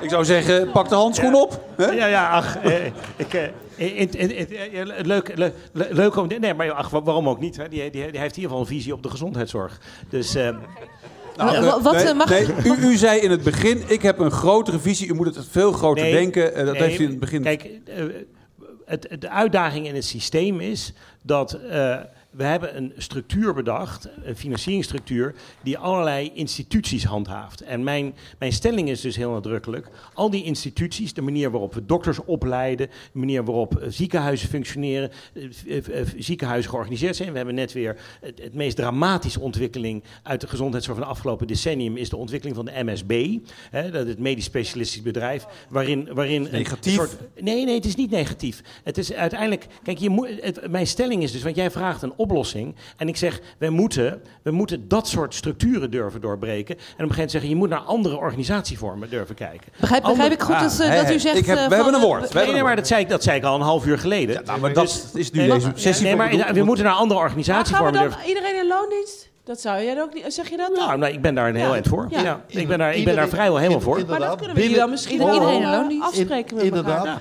binnen Nou, ziekenhuizen iedereen in loondienst. Maar ik ben er niet op tegen dat een aantal zeer gekwalificeerde mensen in de ZBC een, eh, een competitie geven aan de gevestigde instellingen. Dus eh, een van onze grote vrienden, Marcel Driessen, die orthopedium is begonnen.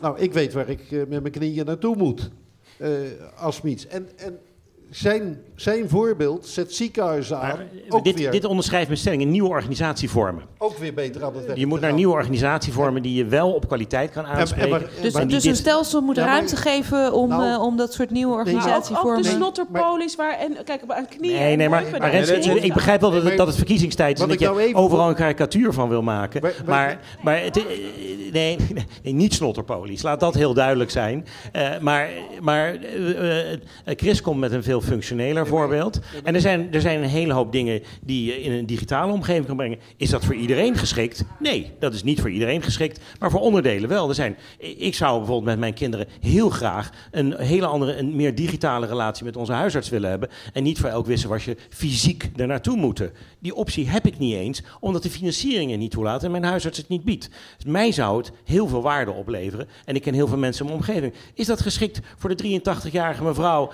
die, eh, waar waar de hond net van overleden is. Nee, daar is het niet geschikt voor. Dus dan moet je gedifferentieerd organiseren. Maar nu worden we allemaal in die keurslijf geduwd. En dat. Gedifferentieerd aanbod. Maar, eh, Ja. het Renske, eh, even, to- toch even daarop ingaan, want wat kan je daar toch op tegen hebben? Nou, daar jij bent van, van die snotterpolies, dat is een beetje inderdaad een frame wat ik hier dan ontwaar. Nee, nee, nee. Eh, Kijk, wat je hebt gezien is dat die ZBC's, die zelfstandige behandelcentra, dat die wel degelijk eh, eh, eh, waarde toe hebben gevoegd soms. Doordat ze hebben laten zien dat je anders kan opereren. Maar ze hebben ook wel degelijk aanbod toegevoegd, wat ook vraag heeft gecreëerd. En dat is met die snotterpolies wel degelijk ook gebeurd. Die, die, Ehm, die uitsluitend in ziekenhuizen zitten, hè, trouwens. maar nee, ja, je ziet het nu. De VU doet het nu ook. Ja, die doet het nu weer met die. Tatopolis. Nee, maar- Nee, Maar maar is ik, dat, ik heb... is dat competitie? Nee, Nee, dat is dus de vraag. Maar als het even gaat om, ehm, kan dit niet? Kijk, wat wij zeggen is de regio. Die heeft vastgesteld wat de behoefte is. Eh, wat de te verwachten zorgbehoefte is. En die past zich daarop aan. En hoe de regio dat doet, is aan die regio. En wat we nou juist daarin kan zien, is dat als daar in een regio op een andere manier gewerkt gaat worden wat goed is, dat anderen daar weer wat van kunnen leren. Dus wij gaan helemaal niet vanuit een ivoren toren opleggen hoe je het moet doen. Daar kan heel veel ontstaan. Alleen er zijn wel een aantal principes. Je gaat niet uit van winstbejag, je gaat uit van de behoefte die er is. Je werkt vanuit je professionele autonomie. En volgens mij, als je dat doet, dan ontstaan Maar er winst- prachtige dingen. Winstbejag. Maar- eh, eh, mag ik, eh, er moet- een organisatie moet toch ook eh, een, een, een, eh, zichzelf kunnen bedruipen? Eh, Ja, zeker. Dus, en die moet ook kunnen concurreren. Dus er moet toch wel ergens zeg maar, iets van een hè, winst- en verliesrekening eh, zijn waarop je, Je kunt zeggen maar van wat nou, is er mis met kiesdraaien?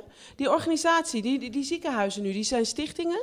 Wat is er mis met kiesdraaien, kietdraaien? Als alle schoonmakers, specialisten, verpleegkundigen zijn betaald... als de, als de, als de verbandmiddelen er zijn... en als de, de apparatuur er is en er wordt kiet gedraaid... wat is daar mis mee? Dat kan toch juist prima? Die ogen, zegt u mij eens wat daar mis mee is? Of, eh, maar dan in constructieve zin. Die vraag had ik nog niet bedacht. Maar, Nee, maar, eh, nou, wat, Dat is een lastige opdracht, hè, Erik.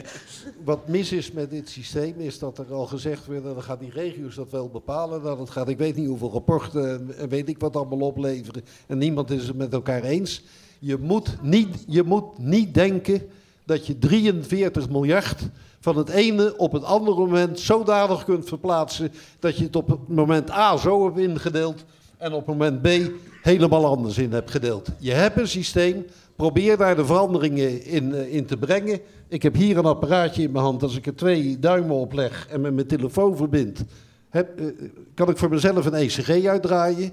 oh, wat Eh, handig. dat, dat komt van innova- innovaties die komen van buiten ziekenhuizen. Waarvan ik denk dat is hartstikke goed dat dat soort dingen komen. Dus die competitie, die concurrentie is er nodig.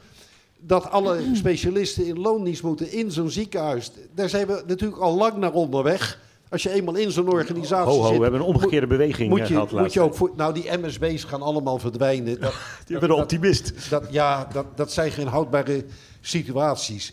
En laat ik zeggen, wij zitten met een overcapaciteit in ziekenhuizen. Dat moet je weer gelak. U, u, u bent nu almachtig, meneer. Omen. U gaat nu iets veranderen. En, en ten goede. Wat wordt dat dan? Wat, wat, is nou de, wat zijn Nou, de ik- streken die u... Als ik, het allereerste wat ik eh, zou veranderen is de, stichting, eh, de stichtingsvorm. De meest ondemocratische vorm die er is in ziekenhuizen. Genadeloos weghalen. Dat heb ik geprobeerd in het Vlietland ziekenhuis door het in een coöperatie over te nemen. Waarbij de coöperatieleden, de huisartsen, eh, de drie verpleeghuizen, wij als verzekeraar, de specialisten en het overige personeel van het ziekenhuis was. Allemaal partijen die kunnen beoordelen hoe zo'n organisatie werkt en die tegen een raad van toezicht kunnen zeggen: als u zich niet publiekelijk aan ons voldoende verantwoordt, sturen we u naar huis. In plaats van dat u alleen de macht heeft de bestuurder naar huis te Het is duidelijk. Het is duidelijk. waardoor Eh, je eh, diegene weer werd Het lijkt mij aan de een- rest. iets om voor Edwin Brugman even op te reageren. En dan ook, ook met een creatief voorstel te komen wat opbouwend. Nou ja, ik ben het ook wel met, eh, met Chris eens. Dat de, hè, de macht van het besturen van ziekenhuizen, die, eh, die, zijn, die is natuurlijk wel heel bijzonder. Hè? Die, die lobbyen ongelooflijk veel hè, voor een positie. En het is de vraag of dat ook in het belang is van het aanbieden van zorg. Als het gaat om oplossing voor eh, zeg maar de problemen, vind ik eerst dat je het probleem moet benoemen. Hè, want we hebben net gezien ergens dat eh, we geven 95 miljard aan zorg uit. En wat is dat nou? Hè, dat, daar zit kinderopvang in, daar zitten van allerlei andere kosten in.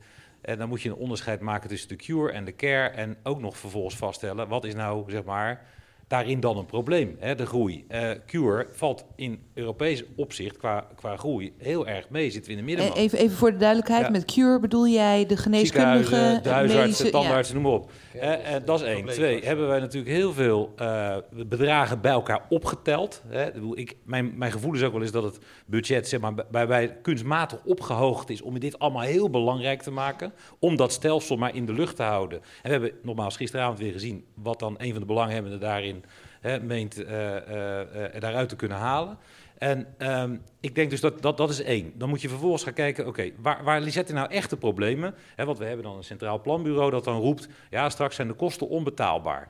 Ik bedoel, dat zeggen we van autokosten niet. En we geven volgens mij eh, ook hartstikke veel geld uit aan autokosten, aan woningen. Woningen Aan, wonen. eh, dus eh, eh, hoe, hoe, hoe, hoe moet, daar moet de politiek een keuze in maken van wat willen we nou daaraan uitgeven? Ja, En maar ik wil dat jij nu keuzes ja, ja, maken. Nee, eens. Nou ja, ik denk dat, dat we dan op een gegeven moment, er mag wat mij betreft best een fundamenteel bedrag aan zorg worden uitgegeven. Dat is één. Vervolgens moet je ervoor zorgen, en ik denk dat dat ook, meneer heeft net ook al gezegd, zorgen voor dat mensen die in die zorg werken bezield zijn. Net als de leraren, die zijn in feite gewoon afgebroken de afgelopen decennia. De positie is afgebroken, zijn in keurslijven gestopt. Dat is niet goed. Dat betekent overigens niet dat je ze maar de vrije hand moet geven. Je moet met ze overleggen. En laat ze nou vooral ook kleinschalig die zorg organiseren. Want ik ben er echt van overtuigd dat als je dit kleinschalig organiseert, dan kennen mensen elkaar. Je krijgt Kleine maatschappen met veel verdieners nou, ik, nee, nee, nee, nee, nee, nee, nee dat, is, dat is niet het punt wat ik wil maken. Kleinschalig bedoel ik dicht bij mensen, met mensen. Nee, maar waar mensen elkaar kennen op een moment, en dat blijkt ook uit allerlei onderzoeken wereldwijd, dat als er op een gegeven moment sprake is van we kennen elkaar, dan zie je geen rare ontwikkelingen met, met inkomens. Want dan moeten mensen publiekelijk verantwoording afleggen. De tandarts die in het dorp op een gegeven moment zijn tarieven in een vrije systeem zou laten exploderen, die staat zaterdag ook bij de bakker. En die krijgt op een gegeven moment dan natuurlijk ook, komt hij misschien wel drie keer achter in de rij te staan. Dus Ik zie een touwtje door de brievenbus eh, nou ja, komen. ja, in feite natuurlijk een beetje wel. En, dat, en dan kom ik weer terug op die bezieling. We, we investeren, als een dokter begint, dan hebben we 600.000 euro geïnvesteerd met elkaar om die man of vrouw zijn werk te laten doen. Je ziet nu mensen zeg maar, afhaken. Bij de diergeneeskunde, buiten die manenzorg, hebben we dat al langer gezien. Nog een duurdere opleiding. Hè, ik geloof dat 30% haakt na een aantal jaren gewoon af. Die stoppen met werken. Dat is gewoon kapitaalvernietiging van de bovenste plank. Volgens mij moet je daar goed in investeren. Dus laat die mensen een beetje met rust. Dus dat, Investeren in concreet in... nou ja, Kan- in, in, in, in- kleinschalige zorg. Kijk, je kan op een gegeven moment... Er is natuurlijk een... een ehm, Het, het is eruit. Ja. ja, en het, het- ook het punt van eh, zeg maar, dat vereconomiseren van, eh, van, van de discussie. Hè, dat lijkt altijd logisch. Dat je zegt, ja, nee, maar als ik nou inderdaad een grote gebouw en er zet drie van die dingen neer. en er zit maar één receptioniste. Ja, dat is in die schaalbaarheid is in de zorg gewoon be- beperkt. Kijk, dat is bij een productieketen natuurlijk het geval. Maar uiteindelijk, we hebben een klein landje, we hebben een heel kleine omgeving waarin we zitten. eh, die, die schaalbaarheid is gewoon beperkt. Daar moet je niet te veel in investeren. Je Oké. moet omdraaien. Dat is een idee. Uit de zaal wil ik een paar ideeën hebben voor deze brainstorm. Hebben er mensen eh, een idee? Ja, deze meneer die was in het begin al met, met zijn vinger omhoog. En ik weet dat u eh, eh, marktgericht bent, volgens mij, hè, toch? Ja, ja, dat bent u. Nou, dan komt u vast met een prachtig idee aan. Nou, Mijn naam is eh, Fred Baptist en ik heb eh, wat ervaringen met eh, een vader die ruim drie jaar in een longmachine heeft gelegen. We hebben het eh, begin vorige week gezien in Amsterdam. 300.000 woningen even zonder spanning en het levert drie doden op. Hoe, eh, hoe kijken jullie eraan vanuit de zorg, zeg maar? Tenminste, ik denk, ik kan me heel goed voorstellen dat eh, eh, huisartsen weten precies vaak welke patiënten er waar thuis wonen. De, is het constructieve gedeelte dit, hè? We kunnen volgens mij met, eh, met data en daar data koppelen aan huisartsen en vervolgzorgen. We hebben in, eh, in Nederland, eh, is bij iedereen bekend, het eerste gouden uurtje. Daarin kunnen we mensen redden. En deze mensen hadden gewoon gered kunnen worden als ze uiteindelijk gemerkt waren waar die mensen wonen. Ja, u zegt dat we gewoon eigenlijk allemaal onze woon- en verblijfplaats moeten opgeven. Nou, dat gaat bij de rijke mensen best lastig worden dan. Hè? Want dan weet je dat niet, hè? Dat is onzin, want als ik zie in eh, de grote steden... eh, wordt er eh, 30 euro voor de gemeente per, eh, per gezin gesubsidieerd... aan het instand houden van dingen... eh, die uiteindelijk eh, volgens mij op een hele andere manier opgelost zouden kunnen Nee, ik bedoelde eigenlijk met te zeggen, u wil, eh, ik maakte maar een grapje over die rijke mensen. Die, eh, die zijn natuurlijk altijd ergens op een, een of ander paradijselijk eiland te vinden met hun eh, echte woon- en eh, verblijfplaats. Hè? Niet Eh, altijd, maar- Erik. Nee, nee, nee, uitzonderingen daar gelaten natuurlijk. Fo- Follow the money, hè? Dat, je ziet al waar de kennis zit. Maar u bent eigenlijk, wat u, wat u wil zeggen, eh, eh, dat de data eh, moet ontsloten worden. eh, veel meer slimmer omgegaan worden. Wij moeten gewoon allemaal online gaan eigenlijk. Uw hartslag moet ook online. Dat blijkt. En ik denk dat dat voor een hele aantal mensen eh, een fantastisch middel is om dat eh, zelf daarin te kunnen sturen. Ja. Totaal digitaliseren die wereld. Iedereen alles van ons weet. Ik denk dat er een paar mensen bij best op tegen zouden kunnen zijn. Maar dit dit is het constructieve gedeelte. Dat gaan we ook niet zeggen. Dus we gaan alleen maar voor de leuke dingen. En ik zie jou zo lachen. Dit gaat een heel gaaf plan worden. Ja, heel gaaf. Nou, ik zit hier ook vanwege de zeldzame ziekte. En dan zeggen zorgverzekeraars op dit moment zeggen van... ja, dat zijn zeldzame ziekten, dus niet zo interessant om daar goed op in te kopen, zeg maar... of om daar extra aandacht aan te besteden. Terwijl als je het aantal optelt, dan hebben we 1 miljoen mensen met een zeldzame ziekte in Nederland. Dat is substantieel. En patiëntenorganisaties zijn juist heel goed in eh, aan te wijzen welke ziekenhuizen heel goed zijn in hun desbetreffende ziekte, kanker, whatever. En ik denk dat moet een verplichting worden. eh, dat daar een samenwerking in ontstaat. En nu zeggen zorgverzekeraars: ja, dat willen wij niet, want het gaat alleen maar over zeldzame ziekten. Maar totaal is wel 1 miljoen mensen. En die zitten vaak op de verkeerde plek nu. Omdat, en daar wil ik toch wel de zorgverleners ook op aanspreken. Die hebben ook een ego en die willen ook niet graag hun klanten doorsturen. Vind het ook wel leuk, een zeldzame postregel. Dus daar, daar moet nog een hele hoop in gebeuren. En Hoe zou je het concreet willen verwoorden? nou ja, wij als patiëntenorganisatie wijzen nu gewoon aan. Dit zijn eh, volgens ons de goede kenniscentra. Dat inventariseren we ook. We hebben heel veel contact met onze patiënten, zeg maar. Ze komen ook bij ons. Met name natuurlijk als er problemen optreden. Anders heb je niet zo heel veel te zoeken soms bij een patiëntenorganisatie. En ik denk van, als je het nou over bezieling in de zorg hebt... stop bij die bezieling dan ook dat mensen gewoon wel ook hun eigen brood moeten bakken en niet de hele tijd dat van de ander. Ik, ik heb nog niet helemaal... eh, ja, het- Ik, eh, ma- mag, ik, eh, mag ik daarop inhaken? Want eh, probeert u, eh, eh, ho- hoor ik u zeggen van nou, wij als patiëntenvereniging eh, eh, hebben daar oog voor, luister daarnaar? Of is dat de tip? Ja, wij hebben eigenlijk? zelfs oplossingen. Oplossingen. Alleen dat wordt niet gestimuleerd Wordt niet op dit moment. Dus- omdat het, de, omdat het de, de. Ja, het geeft niet de juiste chemie tussen artsen en ziekenhuizen schijnbaar. Dus eigenlijk luister meer naar patiëntenverenigingen. Nou, geeft die meer inspraak. Geef patiënten meer inspraak. In plaats Serieuze van de inspraak. ziekenhuizen. Op dit moment hebben de, ziek, de NFU bepaalt het samen met de VSOP. Dat is een koepel voor Ja. zeldzame ziekten. Terwijl patiëntenorganisaties zeggen, laat ons dat nou mee bepalen. Want wij hebben eigenlijk best wel inzicht in. eh, nou ja, het, het- zeker. Het, eh, het, het is natuurlijk anders per, per ziekte en per patiëntenorganisatie. Ja. Of per ziekte met name. Welk ziekenhuis daarvan voor hun van belang is. Helder. En, en op dit moment hebben we daar weinig over te zeggen. Dank u wel, dank u wel. Ja, dit, dit, is mijn voorstel we- in feite. Hè? De- Ja? Alleen dit is mijn Ook, voorstel. ook, nu gaan we hier eh, een patentruzie krijgen? Nee, zo nee, nee, meteen? maar, nee, nee, nee, nee, maar dit is, dit is een concretisering van, van, mijn- van, van, van, van het voorstel wat ik had. Dat je naar, naar gedifferentieerde organisatievormen moet Ja. die daarin passen. Ik ben Ja. zelf eh, heel lang voorzitter van KIKA geweest. En ik heb het eh, ki- kinderkankercentrum in Utrecht. En dat is een, een gedifferentieerde organisatie. Nou, als er iets zeldzaam is, zijn bepaalde vormen van kinderkanker. En die moet je ook concentreren. Dan moet je dokters op een andere manier laten samenwerken. En, en in relatie, de andere relaties in het veld. Heel mooi, we zijn ergens aan het komen. Deze dame Eh, heeft ook- Erik, Ja? we zijn, eh, ik denk dat we aan de laatste vraag toe zijn. eh, als we Laatste- de tijd een beetje in de gaten willen houden. De eh, oplossing hebben we het nu nog over. Oplossingen, Hè? laatste oplossing. Ik ga kijken heel even om mij heen. Want ik, heb, ik ga in ieder geval eentje daar geven. eh, Of twee eh, en er moeten er korte, korte, korte tips zijn. Dus mevrouw, u bent is de eerste.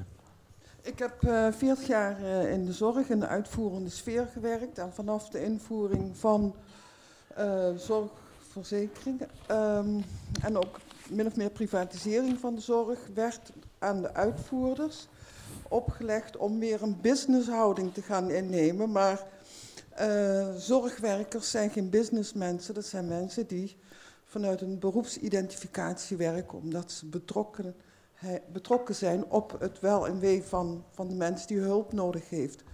En wat ik dus heel erg gemist heb vanuit diegenen die die zorgvormen bedacht hebben, eh, denkend naar de mensen die die zorg moeten uitvoeren en vervullen. En ik denk dat daarin eh, ja, nog wel wat eh, ge- gehaald of gewonnen kan worden tussen die communicatie eh, onderling van die betrokken groepen. U, wil ook meer, cultuurverschillen- meer inspraak voor zorgwerkers? Nou, er is een heel groot eh, cultuurverschil tussen degenen die de zorg bedenken en degenen die de zorg moeten uitvoeren. Dus we moeten meer met elkaar praten, in gesprek gaan en, en, en harder aan werken aan begrip eigenlijk. Eh, de laatste. U bent eh, degene die het, eh, de finale klap mag geven op het, eh, het fantastische oplossing eh, van alle problemen die in Nederland zijn met de zorg. Dus ik ben erg benieuwd naar uw, uw voorstel. Ik sluit me aan bij Edwin met mijn pleidooi voor kleinschaligheid. En ook in die zin, huisartsen staan bekend om zinnige en zuinige zorg. Voor minder dan 5% van het budget lossen ze 95% van de problemen op. Breid die eerste lijn uit ten koste van de tweede lijn. Nu is het een omgekeerde piramide als je naar de kosten kijkt. De tweede lijn kost tien keer zoveel dan de huisartsenzorg. Draai het om. Zorg dat de huisartsenzorg verdubbeld wordt en haal dat van de tweede lijn af. Dat is een duidelijk en concreet antwoord. Even een korte reactie, meneer. Eh, u- u- Nou, ik, ik, kan, ik kan daar een heel eind eh, in, in meegaan. Het enige wat je niet moet doen, is de huisartsenzorg zoals het nu geregeld is, verdubbelen. Dan moet je ook echt gaan nadenken. En dan moet je eigenlijk, wat mij betreft, niet meer gaan praten over huisartsenzorg, maar over eerste lijnszorg. En daar moet je dan weer andere eh, gedifferentieerde organisatiestructuren in hebben. Ja. Als je nu de algemene huisarts in de buurt eh, gaat verdubbelen, dan volgens mij eh, span je het paard achter de wagen. Maar daar, er is nog heel veel mogelijk. En dat apparaatje van, van Chris is in feite ook een vorm van eerste lijnzorg. Ja. Kijk, alleen dit- we noemen het niet zo. Ja. Ik, ik Renske, denk, slotwoorden. Nou ja, ik denk dat er wel dat, dat er ook behoefte is in de eerste lijn om meer samen te werken. Je ziet ook dat door de extra taken die de gemeente hebben gekregen, er al veel meer samenwerking ontstaat tussen de wijkverpleging en de huisarts enzovoort. Maar om nou te zeggen, de algemene huisarts is achterhaald en die mag niet meer, vind ik ook zo rigoureus. Waarom kan dat niet beide? En waarom kunnen die professionals nou niet juist die samenwerkingsvorm vinden die past waar die past? Jij hebt je perspectief uit de stad waarin je alles om de hoek hebt, maar er zijn ook andere regio's in het land waarin dat niet past. En als je dat allemaal op gaat tuigen, dat overbodig is. Dus volgens mij moet je je nou juist uit van de one size fits all. En ja, er moeten nieuwe eerste lijns eh, organisaties ontstaan. Die Klinkt ook ontstaan nog steeds gedifferentieerd meer. aanbod ook, Precies. wat mij betreft. Nee, maar Ja, ook ja, dus. ja. Jullie, moeten samen een aansluiten- eh, onderneming Aansluit, nou, ik, ik, Ik denk dat dat wel het thema van de avond kan worden. Maar Differentieerd aansluiten bij de aanbod. behoefte die er is. Ja. Ja. Ja, maar, maar, eh, even een paar slotwoorden van u allen. Ik heb de- die van jou zijn bij deze genoteerd, Renske. Eh meneer Omen, u moet zo naar huis. Eh eens even kijken. En dat, ja, dat is nu. Dus u, eh, u kunt er twee seconden, eh, nou, ja, of u mag er iets langer over nemen. Maar de slotwoorden. Wat, ga, gaat het beter worden? Nou, ik, ik, ik denk dat het eh, beter gaat worden. Kijk, ik denk dat er een rol voor zorgverzekeraars is. Ik denk dat het belangrijk is toch eh, te kijken naar rechtmatige, doelmatige en gepaste zorg. Ik heb vanmiddag een heel programma gedraaid eh, met Semla eh, over manieren waarop tegen het frauduleuze aangewerkt wordt met sommige vormen van zorg. Daar, eh, daar komt een uitgebreide uitzending over. Daar hebben verzekeraars een rol in om fraude en dat wat er tegenaan ligt eh, toch te bestrijden. Ze hebben ook een rol in een informatie en er, er behoort veelkleurigheid te zijn en er behoort competitie te zijn. En eh, die ligt grotendeels bij de patiënt, maar hoort ook tussen zorgverleners en tussen verzekeraars te zijn. Er is een bestaansrecht voor de verzekeraar, met andere woorden. Meneer Brugman. Ja, ik, ik denk ook dat het natuurlijk altijd moet worden gekeken naar eh, hoe je uiteindelijk het geld uitgeeft. En ja, welke soort instelling dat eh, dan moet zijn. Eh, ik pleit dan veel meer voor ja, goed gedrag met elkaar. En vooral ook ervoor zorgen dat patiënten ook gewoon steeds meer in beeld komen in relatie met die zorgverlener. Eh, ik, ik, ik ben best wel optimistisch over het feit dat eh, wat er nu allemaal gebeurt. Hè. We hebben het Nationaal Zorgfonds zet een aantal eh, discussiepunten zeg maar heel stevig op de kaart. Mensen worden er zenuwachtig van. Je ziet mensen ook een beetje draaien. Dat is denk ik heel erg goed. Hè, dat we met elkaar, eh, je hoorde ook vorige week in Carré het zorgdebat.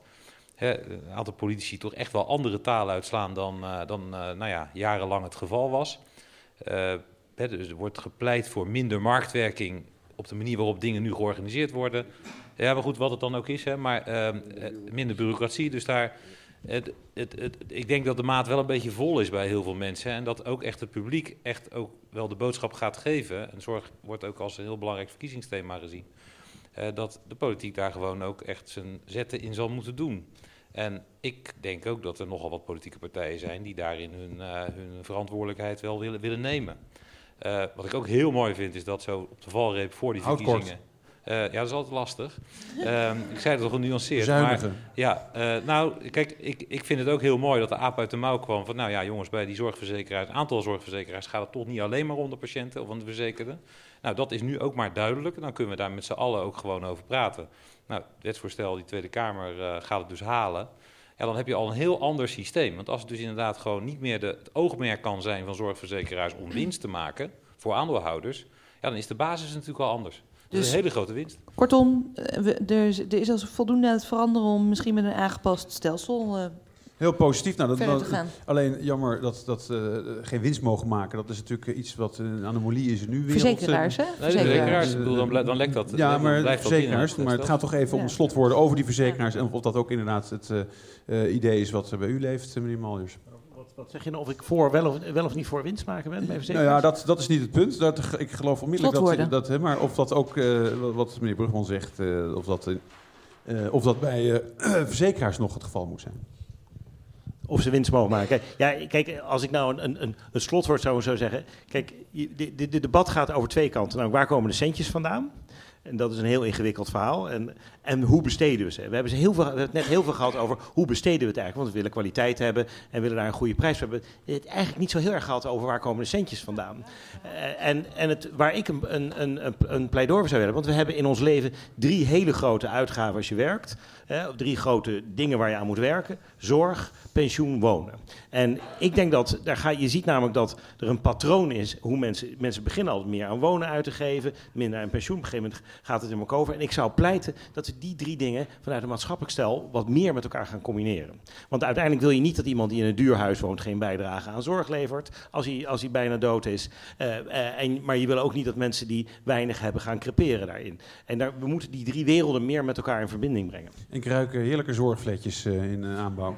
Ehm, ik eh, eh, wil de avond besluiten. Ik dank eh, onze gasten van harte dat ze zijn gekomen. Dat wij ook nog wat langer hebben doorgekletst met z'n allen. Gepeperd en wel. Chris Omen, dank je wel voor je komst. Jij moet er als eerste vandoor. Edwin Brugman, dank je wel. Eh, Jaap Maljars natuurlijk erg dank voor je komst. En Renske, heel fijn dat je het risico hebt genomen om hier naartoe te komen. En om, om ook nog eens een keer helemaal terug te moeten naar Den Haag. Maar dat is er allemaal niet van gekomen. Hartelijk applaus voor onze gasten.